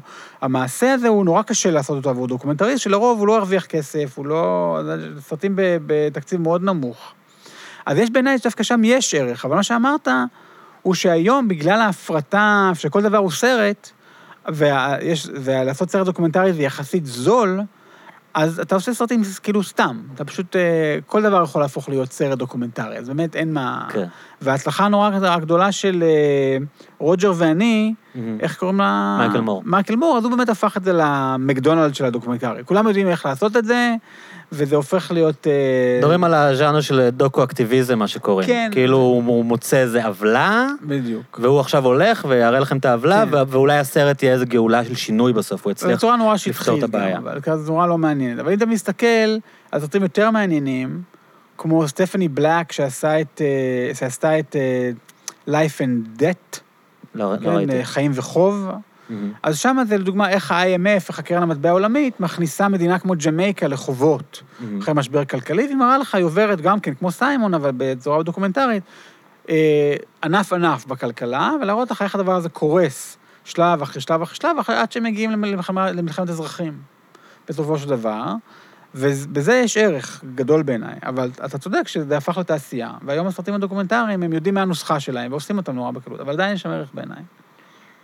כמה לדעתך זה משמעותי שכל הדברים האלה, גם כשהם כאילו, אה, נגיד פרוגרסיביים או שמאליים, הם בסופו של... התכנים בכלל, הם בסופו של דבר עובדים תחת תאגידי ענק. כן. אה, אתה יודע, בסוף אתה רואה סרט, אבל זה באמזון פריים. אתה יודע, זה אצל כן. התאגיד הכי... זה הכי נורא גדולה. עוצמתי בעולם. עד, עד כמה בכלל אתה תוכל בתוך. המערכת הזאת להעביר איזה משהו חתרני, כאילו... נכון. אני חושב שזו בעיה נורא גדולה, ואי אפשר לפצות ולומר, טוב, אבל הסרט חשוב. כן. אני חושב שזה הולך אה, עד, עד גבול מסוים, אתה יכול להגיד לעצמך, טוב, אבל הסרט עצמו חשוב, ועשינו משהו חשוב בעולם, ואני חושב שבסופו של דבר חייבים לחשוב על דרכי התארגנות אחרות שהן לא בתוך הדבר הזה. וזה פוסט-קפיטליזם, זה בדיוק הדבר הזה שאנחנו רוצים לעשות. זאת אומרת, בוא ניקח, איך עושים סרטים בחברה פוסט-קפיטליסטית? איך אתה מנהל בית ספר בחברה פוסט-קפיטליסטית? איך אתה, מה זה חינוך? מה זה... וזו, אתה שאלת אותי מה אנחנו מתכוונים, אנחנו מתכוונים לשנות את העולם כך. אומרת, בוא תיקח חבורה של במאים, מוכשרים כולם, ואומרים לך, תשמע, אנחנו יודעים מצוין שאנחנו עבדים לטלוויזיה או לתאגידים האלה וזה, ואנחנו רוצים לעשות את זה אחרת. אז השאלה שאני אפנה אליהם, אוקיי, מצוין, פוסט-קפיטליזם זה הדרך. בואו, בואו, בואו לכנס שלנו, סתם אני אומר, בואו כן. תעבדו איתנו. בואו אה, אה, נחבר בין הרעיונות האלה, שמפריעים לכם, כי אתם יודעים מצוין שאתם לא יכולים לעשות סרטים טובים, ואתם תדמיינו מה זה קולקטיב דוקומנטרי, אבל לא ברמה הפרטית של, אוקיי, הצלחנו לעשות את זה כי אנחנו מוכשרים מספיק ומוכרים מספיק והצלחנו לארגן לנו כסף. מה זה ברמה מדינתית לעשות דוקומנטרי טוב, לא כפוף לתאגיד? בוא תחשוב איתי על זה. שם אה, מצוי הקושי הגדול אבל החשיבות הנורא גדולה. וההתעקשות שלי ושל הקבוצה, אני חושב שהתשובה היא לא נמצאת במכון, היא לא נמצאת אצל הצוות מחקר, היא נמצאת שם, אצל ה-practitioners, אצל האנשים שעושים את העבודה, והם יודעים איך העולם שלהם היה יכול להיראות בעולם פוסט-קפיטליסטי. הם יודעים כבר את התשובות. הם רק עסוקים מדי, הם לא יכולים לעשות את זה. אז זה הערך הנורא הגדול בעיניי לפוסט-קפיטליזם. כשהמחשבה שלכם זה אחרי שיהיו שינויים כמו אה, הבטחת הכנסה מסוימת, יהיה להם פחות תלות בתאגידים והם יוכלו לה, להביא את אני הדברים חושב האלה. שזה צעד חשוב ראשון. לדוגמה, אם לכולם, אם בעוד, אתה יודע, בצורה הדרגתית כזו או אחרת, לכולם הייתה דירה והכנסה אוניברסלית, שמע, פתרת את רוב הבעיות של רוב האנשים, כן. באמת. זאת אומרת, אנשים לא חייבים לעבוד יותר מכמה שעות בשבוע, 10-20 שעות בשבוע, יש להם איפה לגור. וואלה, עכשיו אנחנו רוצים לעשות סרטים. עכשיו, לזה, נניח, כן, יש דברים, אנשים, יש אנשים, נורא חשוב לא לבלבל פה בין הפנטזיות של אנשי שמאל באקדמיה לבין הפנטזיות של אנשים רגילים. אז לא צריך אה, להגיד שעשיית סרטים זה הדבר הנורא חשוב. לא, זה הפנטזיות שלנו. כן. יש אחרות גם ונורא חשוב, קשובים להם. אבל בואו נניח שהפנטזיה היא, אה, שיהיה לנו זמן לעשות סרטים. אבל מה שזה אומר, שהמדינה צריכה לארגן לך את החדרי העריכה האלה בחינם, והיא צריכה להכשיר את האנשים בחינם, והיא צריכה לארגן לך את המצלמות האלה שיהיו לך. שזה גם חשיבה פוסט-קפיטליסטית. עכשיו, אם אתה תגיד, אוקיי, אני הבנתי שאני רוצה שלכולם יהיה מצלמה דוקומנטרית בשכונה, אני מוכן לעבוד בשביל זה. כי זה נראה לי ערך חשוב. אני מוכן לעבוד בשביל זה הרבה אפילו. את השלושה ימים שלי אני מוכן לתת לזה. מהמם. כי בארבעה אני יודע שלאנשים אחרים יש עכשיו מצלמה דוקומנטרית בשכונה, וזה הופך את העולם לעולם ראוי בעיניי. אז זה, זה הקשר שאנחנו מנסים לעשות. אה, אני מחזיר אותך רגע, התחלתי לדבר על התאגידי מדיה הגדולים. אה, הרבה מדברים נגיד על נטפליקס כתאגיד אה, בשפה היומיומית, מדברים עליו כתאגיד פרוגרסיבי. כן, כן. כ- כתאגיד שהתכנים בו הם, אה, הם בעצם תכנים אה, שמאליים, הם תכנים ש, שמשקפים שיח, אה, נגיד, מאוד ליברלי. כן, מעניין. אמ, איך, איך אתה רואה את זה? כאילו, אתה, יש הרבה ביקורת מימין שה, שהתאגידים האלה הם, יש להם הטיה פוליטית. אה, במובן הזה? שיש, כן. אה, אני חושב ש... אה, אני חושב שזה נכון לומר שרוב המדיה המיינסטרימית היא ליברלית. זה ה... אבל זה לא שמאל. ליברליזם זה לא שמאל, בואו לא נתבלבל. אה, היא ליברלית גם במובן הפילוסופית שהאדם הוא אוטונומי ויש לו כוח על העולם והדברים האלה, וגם ליברלית במובן הזה שיש חוק, והחוק צריך לנצח ודברים מהסוג הזה. אה, אז אתה שואל אותי אם אני מסכים עם שהם מוטים? לא, איך אתה רואה את זה? כי אני, אני, אני אגיד לך איך אני רואה את זה. אני חושב שזה מאוד מתחבר לנושא הזה של פוליטיקת זהויות. שזה מין... אמ, בדיוק שמעתי מישהו, מישהו מדבר על זה ש... אמ, ל... לתאגידים הגדולים, נגיד לחברות ההייטק, לגוגל, בכלל, אפילו לגולדמן זאקס, לת- לתאגידים הגדולים באופן כללי, הפוליטיקת זהויות באה מאוד טוב. כי, כי זה שיח שהם יכולים אה, להתחבר אליו, להיראות, אה, להיראות נאורים, להיראות טובים, בלי לוותר על שום אינטרס עסקי. כלומר, אם השיח היום היה אה, שיח של, אה, של שמאל, של אה, איגודי עובדים, או לשנות את המיסוי, כן. דברים כאלה, אז, אז הם היו בבעיה. אבל ברגע שהשיח הוא נגיד שיח של ייצוג, אה. אז מה אכפת להם לשים, אה, לתת איזו מכסה של מיעוטים לתפקידים מסוימים? כן, נכון. אה, מה אכפת להם להעביר סדנאות להנהלה שלהם, לאיך להיות יותר רגישים? נכון. והדבר הזה, אני חושב, הוא בא לידי ביטוי גם בעצם בתכנים בנטפליקס. ובדברים כאלה שתמיד, אה, כן, אוקיי, אז אה. עכשיו יהיה לנו הרבה יותר תכנים נשיים, כן, כן. ויהיה לנו הרבה יותר תכנים אה, בעד מיעוטים, ואנחנו נראה הרבה יותר, אתה יודע, נרטיבים כאלה. של פוליטיקת זהויות, אבל אנחנו לא נתעסק בנושאים, נגיד, שמעניינים אותך. אז, אז פה, אז אני מסכים איתך עד, עד רגע מסוים. מהמם. זאת אומרת, אני מסכים שהרבה הרבה יותר קל להעלות את אה, מכסת השחורים, מזרחים, נשים בחברה, מאשר לשנות את חלוקת הרווחים בחברה. כן. אבל עדיין יש שם תחרות, אה, בטח בתאגידים אה, גדולים, תחרות על מי יקבל את המשרות האלה, ואנשים לא יהיו שמחים אם שחורים יקבלו אותם. מהמם. אז יש פה מאבקים אמיתיים בדברים האלה, וזה לא במקרה שלמרות שנניח דבר על ישראל, למרות שזהויות זהויות, אבל אתה לא תמצא יותר מדי מזרחים באקדמיה, או יותר מדי מזרחים בבית המשפט, זה עדיין קשה, או הרבה מזרחים. ב- בחברות הייטק, זה עדיין קשה מאוד, זה לא פשוט, אפילו שזה כאילו מה שצריך לעשות. כן. אבל אני מסכים איתך שזה מראית עין נורא טובה. עכשיו, מצד שני, אבל, וזו הייתה הביקורת הזאת בשנות ה-60 ואילך, אתה לא יכול לגמרי לומר שאין לפוליטיקה החצי סימבולית הזאת גם שינוי בעולם. יש לזה, זה עושה שינוי בעולם. ברגע שאתה מייצר, אפרופו גם מה שאנחנו מנסים לעשות, ברגע שאתה מייצר ציפיות שנשים יכולות להיות בכל מקום, זה משנה מה הנשים האלה יתבעו מהמעבידים שלהם ומהבעלים שלהם ומהמשפחה שלהם. מה שחורים יכולים לתבוע. זאת אומרת, יש לזה את הערך של זה. זה פשוט לא באמת מגיע לרגע הזה שבו זה מבין שזה נמצא במערכת שהתביעות הספציפיות האלה, ראשית, אי אפשר אף פעם לממש אותן במלואן. זאת אומרת שאי אפשר באמת, הרי מה הבעיה של פוליטיקת זהויות? היא שתמיד זה לא אפליה באופן כללי, זה אפ... מדוע יש יותר מדי שחורים למטה. מהמם. לא למה יש עוני, מהמם. למה יש יותר מדי שחורים בעוני, או למה יש יותר מדי אה, מזרחים. מה העוני הוא. מצב קיים, ובואו כן. נסדר אותו בוא שהוא יהיה יותר שוויוני בין הגזעים. בדיוק, נכון? שיהיו יותר לבנים עניים ופחות שחורים עניים במקום לפתור זה, את זה. זה כאילו הטענה, ה- כאילו, הסנובית מול הדבר הזה, זאת אומרת, טוב, בעצם, בעצם, באופק של הדבר הזה, אתם לא רוצים יותר מאשר סידור מחדש של ההיררכיה, שהיא תהיה יותר מיוצגת, נכון? יותר צבעונית. אין להם מה לומר על הדבר. זה בעיה. אה, אה, זה בעיה, מכיוון שברגע שאתה מדבר על יש עודף שחורים למטה, למה אתה מסתכל רק על זה? הרי ברור שאתה לא רוצה שיהיו שם, אה, כאילו, שוויון בין שחורים ולבנים בעוני. לא, אתה לא רוצה עוני, נכון? אבל זה מייצר את התביעות האלה. התביעות האלה כשלעצמן לא יפתרו את הבעיה, אבל כנראה שאי אפשר בלעדיהן גם. זאת אומרת, כנראה שאתה לא... זאת אומרת, אתה לא הבעיה- רואה את זה כמו, יש אנשי שמאל שרואים את זה כמין אה, ספין? כמין אה, בואו תתעסקו בזה במקום להתעסק ב... אני חושב שאתה, אנשים שאומרים את הטענה הזאת, לרוב הם אותם אנשים שיגידו לך שני דברים. אחד, בוא Mhm. נהיה כולנו ציוניים, זו הטענה הימנית, מהמם. או בוא כולנו נתחבר לשמאל ונעשה את זה ביחד. אבל אתה לא יכול גם לקבל את הטענה הזאת בלב שקט, כי אתם נכשלתם בשמאל שם. נכון? כן. היינו שם, זה לא עבד, זה לרוב היררכי, זה גזעני, זה לא הוגן כלפי נשים, זה לא פמיניסטי. זאת אומרת, אי אפשר לומר שבגלל שאתם הבנתם נכון את הבעיה החברתית, שיש לכם גם את הפתרון הפוליטי אליה. ומבלבלים בין שני הדברים האלה נורא בקלות. כי זה שאני יודע שקפיטליזם הוא בעיה, זה לא אומר שאני יודע מה הפתרון הפוליטי מבחינת ההתארגנות הפוליטית. מהמם. וזה ההנחה שאני לא מוכן לקבל כל כך בקלות. ופה צריכה להיות עבודה, כי לרוב מה שקורה, אותם אנשים בשמאל אומרים, אנחנו האוניברסלי אצלנו. מהמם. אתה תבוא, תקשיב לי, ואני גם במקרה ארגן את המפלגה. מהמם. והעוולות שלך, אנחנו נחכה איתם. עכשיו, זה קורה, וזה קרה בעבר, והם לא מוכנים, ובצדק. כל עוד שהבעיה הפוליטית הזאת היא לא פותרת את זה, והיא לא תיפתר. אז מדברים איתך על אינטר... אינטר... אה, איך זה נקרא באנגלית?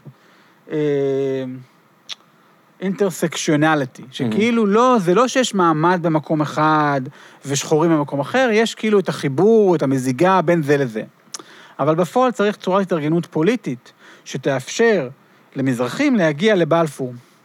נכון, אבל הם לא מגיעים. למה לדעתך זה קורה?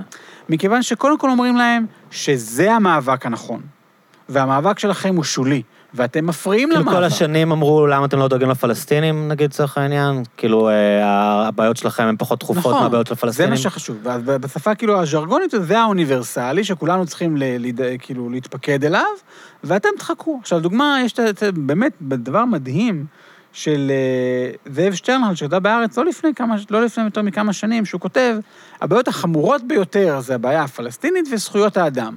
מהמם. עניינים של אי שוויון זה לא חשוב, זה יחכה. עכשיו, מי, מה פתאום? מהמם. באמת, הרי כל העניין הוא של, בגלל שיש אי שוויון, אנשים לא מצביעים לעבודה, והם לא מצביעים למרצ, ולא מצביעים למשותפת, כי הבעיות שלהם לא נפתרות שם. אז אי אפשר, אי אפשר, המשחק הזה של אתם מפריעים לדבר האמיתי, הוא, נות- הוא מי, מי שמציג אותו, מציג אותו מעמדת שמאל, כזאת שהיא לא, במ- היא, יש בה אינטרס מובהק לייצג כך את המציאות. אני לא חושב שפוליטיקת זהויות יכולה להצליח, היא אבל לא הם יכולה. גם מייצגים את זה ככה כי הם העשירים ונוח להם להיות עשירים והם לא רוצים לפתוח את זה בכלל? כאילו, נ- אתה כי מדבר על ש- תאגידים? זה ודאי. לא, לא, אני מדבר על, נגיד, על השמאל הישראלי, אוקיי? בואו נחזור אוקיי, קצת לשיח של קונספירציה. הם המעמד הבינוני הגבוה, נכון. והם הם לא רוצים אולי לפתוח את, ה, את הנושאים הכלכליים. נכון. ב- בישראל אה, נוח ל... אפשר להגיד אפילו ברמה קצת קונספירטיבית, שהשמאל התאהב, או לא משנה, התמ- התמסר לעניין הפלסטיני טוטאלית, כדי לא לפתוח את הנושאים האלה של להעלות עכשיו מיסוי, של כן. לוותר על ההגמוניה, אם, אה, אם רוצים. קל. זה הרבה יותר קל. קודם כן. כל, אנחנו לא רואים, אנשים, כאילו, אנחנו לא חיים ליד פלסטינים, אנחנו לא מתחרים איתם על המשרות. זה לא, אתה יודע, זה משהו שנורא טוב אה, להאמין בו. זה להיות טוב, כאילו לרצות, ובוודאי שאנחנו רוצים צדק לפלסטינים. כן. אבל זה, לרצות משהו עבור פלסטינים זה להיות טוב. באופן נורא מופשט. להרגיש טוב. כי אין שום קשר בכלל למה ש... לעמדה הזו, חוץ מההצבעה שלך, לחיים הפרטיים שלך, אין שום קשר.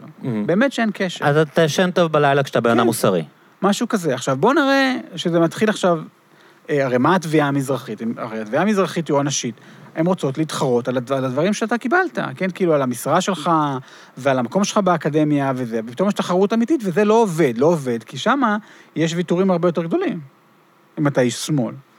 אז זה לא יכול, ולכן הרגע הזה שבו אתה רואה את זה קורה קצת, עם אה, ה- ה- הפער הזה בין מה שנקרא השחורים בבלפור, אתה, אתה מכיר את החלוקה הזאת בין השחורים לוורודים? השחורים זה הדגלים השחורים, זה הדגלים השחורים, הזקנים, כאילו. כן, אבל הממונים... אלה של אנחנו בנינו את הארץ, צוחקים עליהם שהם כאילו... אבל גם ממונים מאוד טוב, הראשונה. נכון? קריים מיניסטר, אין מצב, כן. גם השחורים והוורודים, שהם לא רדיקליים הכי, אבל הם יותר צעירים, והסקשן היותר רדיקלי, שהוא לא מאומן בכלל, והוא יותר זה. ואתה רואה את הדבר הזה שבו אנשים מתחילים בשמאל להבין, כאילו בשמאל הראשון שייווצר פה פעם אחת אולי, שאי אפשר יותר לא לדבר על מעמד ועל קפיטליזם ועל אי שוויון, וכאילו להעתיק את זה לשאלה הפלסטינית. היא כמובן חייבת להיות חלק מזה.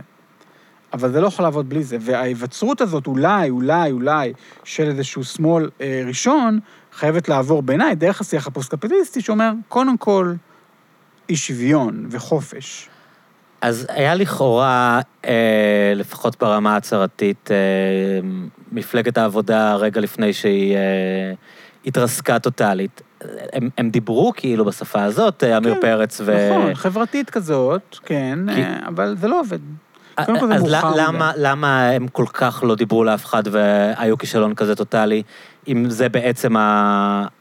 הגישה שלשיטתך אמורה להיות? מכיוון הגישה ש- של אנחנו עכשיו כן קשובים לפריפריה, כן אה, רוצים חושב- לדבר על אי שוויון.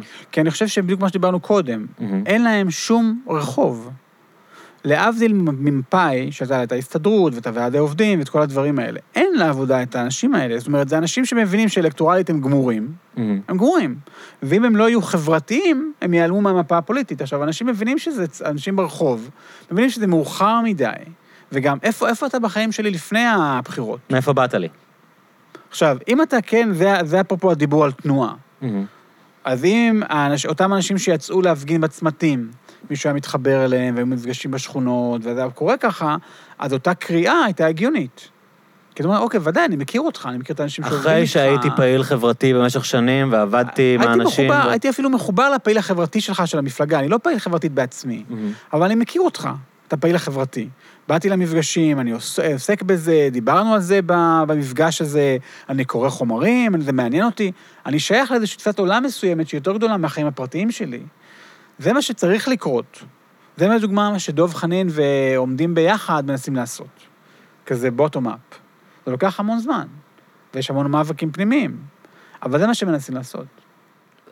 למה האופטימיות שזה יכול להצליח? באמריקה אה, זה בעצם התנועה של ברני, נכון? הם דיבר- דומה מדברים על, אה, נכון. על grassroot movement, נכון. אה, על, על משהו ש, נכון. שיבוא מהקהילות, שיבוא מהתארגנויות קטנות, אה, ואז בסוף אה, הם מתמודדים מול כוחות עצומים ש...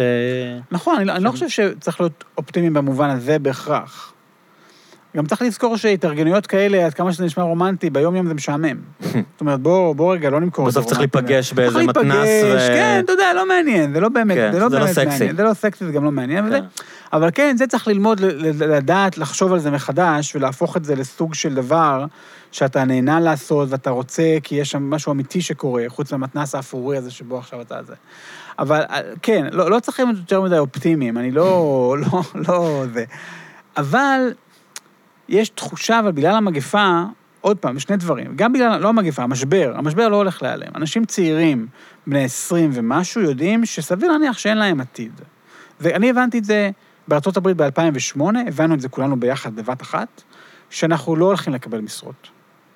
רובנו, מסיימים את הלימודים לא. ונזרקים למציאות הקשה. זה לא יקרה, וזה קרה, כן. וזה קרה בדיוק ככה.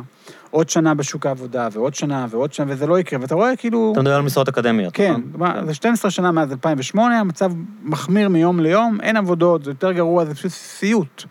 האנשים האלה גם בישראל מבינים שאם הם הלכו עכשיו, אם אין להם איזשהו מסלול שבו הם יכולים ללכת בו, זה לא יקרה להם.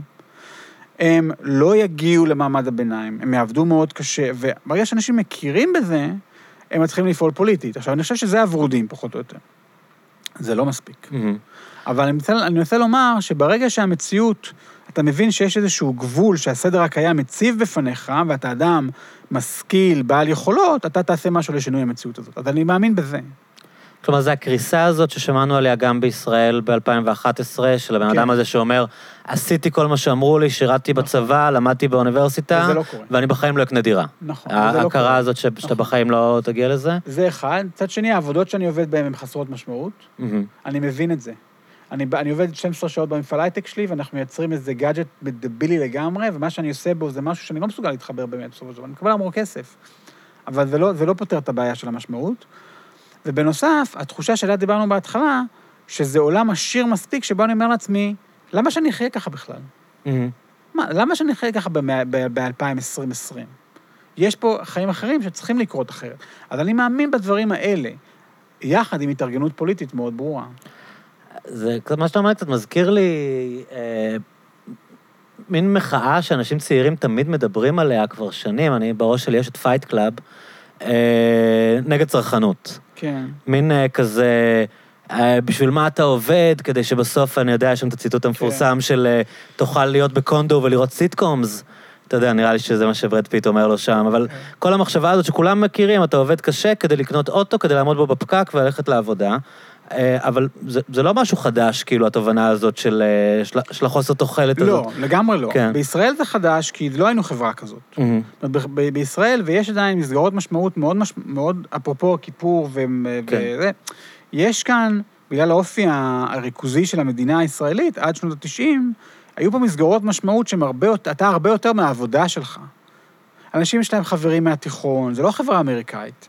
הם הלכו איתם לצבא, הם בנו איתם משהו, זה לא החברה האמריקאית שבו אתה גדל באיזה עיירה, הולך לניו יורק, אתה לא, כאילו זה מופשט לא רואה את ההורים. בכלל, הם גרים כן. במדינה אחרת. כאילו זה מדינה, זה לא ככה בישראל, זה מתחיל לקרות אחרי 30 שנה של הפרטות וניאו-ליברליזם, שבו אתה רואה שאין, לא נשאר כלום, אפרופו סופר הירוס והשיחה האינפנטילית שמנהלים עליה, זה אחד הסימפטומים של זה.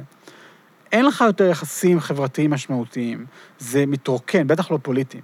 זה הולך ומתרוקן, ובהתחלה בישראל אתה רואה את ההתחלה של זה, בארה"ב זה קיים כבר קודם, גם באנגליה וצרפת זה קיים קודם. שבעצם האנשים הם, הם, הם בודדים, הם מופרדים מכל מסגרת... אה, של משמעות. כן. עכשיו, זה מתחיל לקרות בישראל, זה לאט-לאט, ויש המון התנגדויות, והמערכת הפוליטית מבינה שיש פה בעיה. מדברים פה על אחדות כל הזמן, ושסעים, וכל הדבר הזה שהוא מופרך לגמרי. עכשיו, אז זה חדש בישראל. עכשיו, אבל זה בנוסף לעובדה שאתה, אם אתה, אתה לא תקבל מה שהבטיחו לך, זה לא יקרה. המצב בישראל ילך ויחמיר, מכיוון שאין פה שום התנגדות. אם אתה מסתכל, וזו הטענה המאוד מעניינת של פול מייסון ואחרים, היא שלרוב מה שאפשר את ההתקדמות של הקפיטליזם היה את ההתנגדות של ועדי העובדים. בגלל שהמחיר העבודה היה יקר מספיק, אז הקפיטליזם היה חייב להתייעל ולעבור, ולעבור אוטומציה. עכשיו, ברגע שאתה שובר את זה ואתה מסוגל להוזיל את העבודה מאוד, אין לך מוטיבציה להתייעל ולהעביר אוטומציה של דברים, כי אתה ממילא משלם גרושים על העבודה. אז המצב הזה ממשיך וממשיך וממשיך. וכל עוד שלניאו-ליברליזם הזה יש את הכוח לא להעלות לך את המשכורות, המצב בישראל ילך ויחמיר. ואנשים מגיעים להכרה הזאת שזה לא יקרה להם בחייהם, הם לא יעברו למעמד הביניים, זה לא יקרה להם. זה מנוע. הם ימשיכו לעבוד בחלטורות כל החיים, כן, ולקבל קצת לא כסף יקרה. מההורים, ו... וגם זה ייגמר, וזה לא יקרה, זה אה. לא יקרה. אז השילוב הזה של אובדן המשמעות, התביעה לח... שאנחנו יודעים שיש חיים טובים יותר, כי אפשר, אנחנו רואים, והעובדה שהעתיד שלך חסום, מישהו לקח לך אותו. אני חושב שאלה פרמטרים היסטוריים שאתה יכול לעבוד איתם, אבל זה לא, זה לא יקרה מעצמו. אתה חייב לפתור את הבעיה של איך מתארגנים פוליטית. זה לא פתור. כלומר, זה לא יקרה מ... דיברנו על השוק של המפלגות, ש... לא עכשיו. לא יודע, אני יודע, אנדרו יאנג ניסה ל- לרוץ באמריקה על מצע של כן. Universal Basic Income. לא, לא יכול להיות אה, מנהיג כריזמטי שאומר לאנשים, אה, כל השיח הזה של די להיות כן. פראיירים, אה, תצביעו לי ואני אדאג שתהיה הכנסת, הכנסת בסיס לכולם, או אני אם, אם, אפעל אה, אה, שבוע עבודה יותר קצר. אז אם, אם זה יהיה מחובר לתנועת שטח, כן. מהמם. או למנהיגים נורא נורא כריזמטיים, וכאלה יש רק בימין כרגע. אז זה יכול לקרות, אבל אני חושב שאין אין מנהיגים כריזמטיים בשמאל, ותנועת שטח היא, לא ייקח לה זמן. אז אני חושב שבסבב הבא אנחנו נראה כל מיני אה, מפלגות שהן אה, סוג של מפלגות כאילו שמאל, שמדברות על אה, לחבר את העם מחדש, וזה סוג של, אה, איך זה נקרא אצלהם? של הומניזם כזה, קפיטליזם Mm. הומני וכל הדברים האלה. חמלה. אנחנו- כן, אנחנו לא נגיע רחוק. לא בסיבוב הזה. אז. אתה פה בשביל ריצה ארוכה, אני כאילו. חושב. אני חושב שצריך לחשוב ככה, תראה. יש. אנחנו בטח חושבים במונחים של ארבע שנים, ב... בזילות של הפוליטיקה הישראלית, שהבחירה היא, אה, טוב, עכשיו אה, אני אבחר בגנץ כי ככה זה יעבוד, זה כאילו.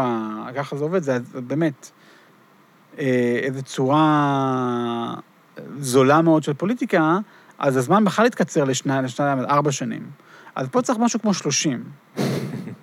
צריך להבין שאתה היום, אם מישהו היה מחבר אותך היום לתנועה פוליטית, שאומרת לך, זה לא, זה לא יקרה מיד, אבל בעוד 20 ו-30 שנה זה יקרה. אני מאמין בטווחים האלה. לדוגמה, שאנחנו עובד- עובדים על דיור אוניברסלי. אז אני מבקש ממרכז אדוה להגיד, בסדר, זה לא יקרה עכשיו, זה גם לא יקרה, גם בעוד עשר שנים, אבל אפשר לחשוב על עוד 30 שנה? אבל איך אתה מגיע לבן אדם בן 23, לסטודנט שרוצה פתרונות לחיים שלו היום? אתה אומר לו, כאילו, זה לא יקרה, ב... זה יקרה בפנסיה אתה- שלך, אוקיי, זה יקרה ב... אתה מחבר אותו למסגרת שנותנת לו משמעות, גם אם לא נותנת לו כסף נו- אה, ואת הנוחות הבורגנית הזאת. זאת אומרת, בוא תצטרף אליי ונשנה את העולם? בוא תצטרף אליי, אני אאפשר לך מגורים יחסית זולים, מסגרת משמעותית, מפלגה במובן של תנועה, לא מפלגה, תנועה. אני חושב שאם תנועה חברתית כזאת מסוגלת לדאוג לצרכים הבסיסיים שלך, באופן צנוע, אבל יחד ונותן לך מסגרת משמעות שבה אתה באמת שייך למשהו גדול יותר, אנשים צעירים ילכו על זה. איך, איך היא דואגת לצרכים הבסיסיים שלך? אני חושב שזה קורה היום בהסדרים קטנים יותר, כמו עם הנוער העובד והלומד, נכון? ככה זה עובד דרך המדינה? שבהם אתה מקבל איזשהו סבסוד ודברים מהסוג הזה, נכון? אני חושב שאם הייתי עושה משהו בשמאל, הייתי משקיע את הכסף בזה. זאת אומרת, הייתי אומר, בוא ניתן לאנשים צעירים, תראה, אתן לך דוגמה אחרת, ואז נחזור לדוגמה הזאת. איך זה עובד עם uh, חרדים, נכון? איך הם uh, מציונות דתית? הם כן. כאילו לוקחים משפחות, מה שהם קוראים אוכלוסייה חזקה, שולחת אותם לפריפריה, ומתחילים להשתלט על ערים. ערד נגיד עכשיו, נכון? או כן, ירוחם, או ירוחם, אתה יודע. כן. עכשיו, מישהו מממן את זה. מישהו מממן את זה, והאנשים האלה חדורים מספיק שהם מוכנים לקחת את, כאילו, את הירידה הזאת, אבל לקבל את הפיצוי במקום אחר, ולגור בדרום. עכשיו, לפעמים הם גם נורא אוהבים את זה והם לא רוצים לעזוב, אז הכל בסדר. אבל זה הדרך שבה מישהו מצא מימון, להגיד לך, אני אתן לך את הדבר הזה, אבל אתה גם שייך לאיזשהו משהו יותר גדול. זה מה שהשמאל צריך לעשות. מה, עם כל מיני אה, מולטי מיליונרים שמאליים? איך ייתכן. איך הם יממנו את זה? אתה יודע מה ייתכן? או דרך המדינה באיזשהו מסלול, אחד, אה, אם, אם- או דרך באמת... אה, תרומות? תרומות של משקיעי שמאל, אני לא הייתי תורם לכל מיני בהכרח עמותות, הייתי תורם לדבר כזה. בואו נבנה מסלול כזה, שבו אנשים מתחילים, אפשר לדאוג להם לצרכים הבסיסיים, ואתה, והם, אבל שייכים למשהו גדול יותר, וזה ייקח 20-30 שנה. כמו החלוצים שבאו לארץ וקיבלו כסף מ... אבל פחות, אה, אבל פחות כן. קשה, כי אתה לא תלך ותייבש ביצות, כן. אתה תלך למקום שהוא קצת פחות מושך. גרעין חינוכי ב- כן. בפריפריה, נגיד. ולאט לאט אתה, המסגרת הפוליטית שלך תהיה בעיר. מהמם. אתה, אתה תהיה חלק מהמפלגה העירונית, באותה עיר שלך, ויש לך תמיכה ארצית. ואז החיים שלך אומרת, בסוף יהיה לי גם קשרים חברתיים, שזה מה שחסר, כן, כאילו, כן. ה connection הזה, ש- שפעם לתנועות אידיאולוגיות תמיד היה. נכון. עכשיו, זה לא אידיאולוגיות, אה, זה אידיאולוגיות ברמה של היום-יום. Mm. אתה שייך לצורת חיים כזאת שאתה מאמין בה. כי זה מה שלשמאל, אפרופו, לפעמים אין, וראיתי גם המון בארצות הברית. לשמאל אין על מה להגן לפעמים מבחינת צורת החיים, כי צורת החיים היא קפיטליסטית. אנחנו בבוקר בתאגיד, ובלילה אנחנו בהפגנה. אם בימין יש עדיין את התפיסה הלאומית של אני חלק מאיזשהו קולקטיב לא, של ישראל, בשמאל זה לא מומצא. קיים, או אני גם בימין קונה זה לא קיים דרך בימין- אגב? לא, אני חושב שזו תפיסה לא נכונה של הדבר הזה. אנשים, זה פנטזיה מוחלטת. הם חיים את החיים שלהם פרטיים לגמרי כמו כולם, מהמם. ו- אבל זה מתוחזק שם, בגלל, אני חושב שמאבקים מעמדיים כאלה ואחרים, שיש איזושהי שייכות לקולקטיב יהודי, אבל הוא לא באמת קיים. זה מתוחזק ברמה הפנטזמטית לגמרי. לשמאל אבל, הבעיה שלו שאין לו באמת על מה להגן, וזה גם בארצות הברית נכון, וראיתי מה- את זה. מה- על מה הימין מגן? אז כביכול על הערכים האלה. של אבל- מדינה יהודית. כן, כי אתה אומר, זה אתה, זה אתה. עכשיו, מה כאילו הביקורת נגד השמאל? שזה ערכים אוניברסליים. אבל אם היית מגן על אותה שכונה ואותה צורת חיים שאני גדלתי עליה וזה, אז פתאום היה על מה להגן. מהמם. אין על מה להגן בשמאל, מבחינת החיים הקונקרטיים. על מה תגן? על משהו מופשט כזה? אה, יש את הסנטימנט הזה של אה, רוצים אה, מדינת חוק, מופשט. שרוצים... תחשוב מה, מה מגינים הפלסטינים, נכון? במאבק הזה, לא בישראל, בחוץ. הם מגינים על האדמות, הם מגינים על הכפר, הם מגינים על דרכי ההשתכרות, ממש אמיתי. מה פה? על, על מה? זה נורא מופשט. צריך להגן על משהו. מעניין. אה, טוב, אנחנו כבר לקראת סיום. מעבר ל- לרמה התיאורטית, מה היית... אה, איך אנשים יכולים to get involved? אנשים שעכשיו מקשיבים לנו ואומרים, אה, וואלה, התחברתי, אני, כן. אני, רוצה, אני רוצה לעזור להביא את החזון הפוסט-קפיטליסטי. אז קודם כל שיבואו לכנס שלנו באפריל, קודם כל, אבל אני לא אעשה כן. פה קידום מכירות, זה לא כן. העניין. אה, אני חושב שזו שאלה שצריך קודם כל לשאול אותה. צריך באמת להשקיע כמה שבועות טובים בחזרה מה, מה, מהעבודה בבית, ולשבת עם האנשים האהובים עליך ולחשוב על זה, ולעשות איזושהי מחברת, ולהגיד, אני רוצה לחיות בישראל בחיים טובים יותר. אני שמעתי את הפוסט-קפיטליזם, זה נראה לי נכון. לאיפה בשכונה שלי אני יכול ללכת? את מי אני מכיר? איזה התארגנות אה, עכשיו כזאת, אני נראה לי מעניין, אני אלך לשמוע מה הם אומרים. אבל אני יכול לקרוא משהו? הדבר הזה אני אחפש לקרוא.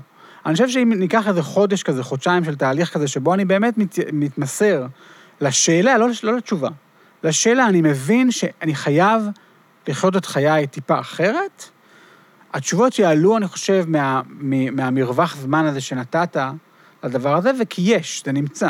אבל אז השאלה היותר קשה כמובן, איך זה לא רק מקומי?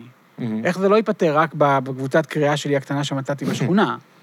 אבל אם אנחנו ניתן שהות קצת בחודש, חודשיים הקרובים אחרי הרעיון הזה, ולשאול את עצמנו ברצינות, מה אני צריך לעשות שזה יקרה? מה אני צריך לדבר? זה יכול להתחיל. אה, אני בעד. רק אגיד לך שאותי אותי שכנעת. אני חושב שאני אני שנים בתחושה שאני לא מבין למה אנשים עובדים כל כך קשה. בתור התחלה. כאילו, אני, המצב שאני מקבל, אה, זה נשמע מצחיק, אבל המצב שאני מקבל אה, הכנסה קבועה מהמדינה נראה לי מאוד טבעי. נראה לי מאוד הגיוני ברמת העושר שיש בעולם, ברמת היכולות ייצור האוטומטיות, ברמת הכסף שלאנשים מסוימים יש, החלוקה של הרכוש, שלמי שרוצה לחיות בצניעות, אה, המדינה תוכל אה, לעזור לו לעשות את הדברים שמעניינים אותו, ולא לשלוח אותו לחיות חיים שהוא שונא. אני חושב ש... שהתקדמנו לשם, ואז אני, אה, אני, אני מאוד תומך בפרויקט. אה, ומקווה לראות איך הוא יבשיל. כפיר, מלא תודה, היה לי מאוד מעניין. תודה, אריאל, מקווה היה ממש כיף. שיצא לנו עוד להיפגש. ביי, להתראות. תודה.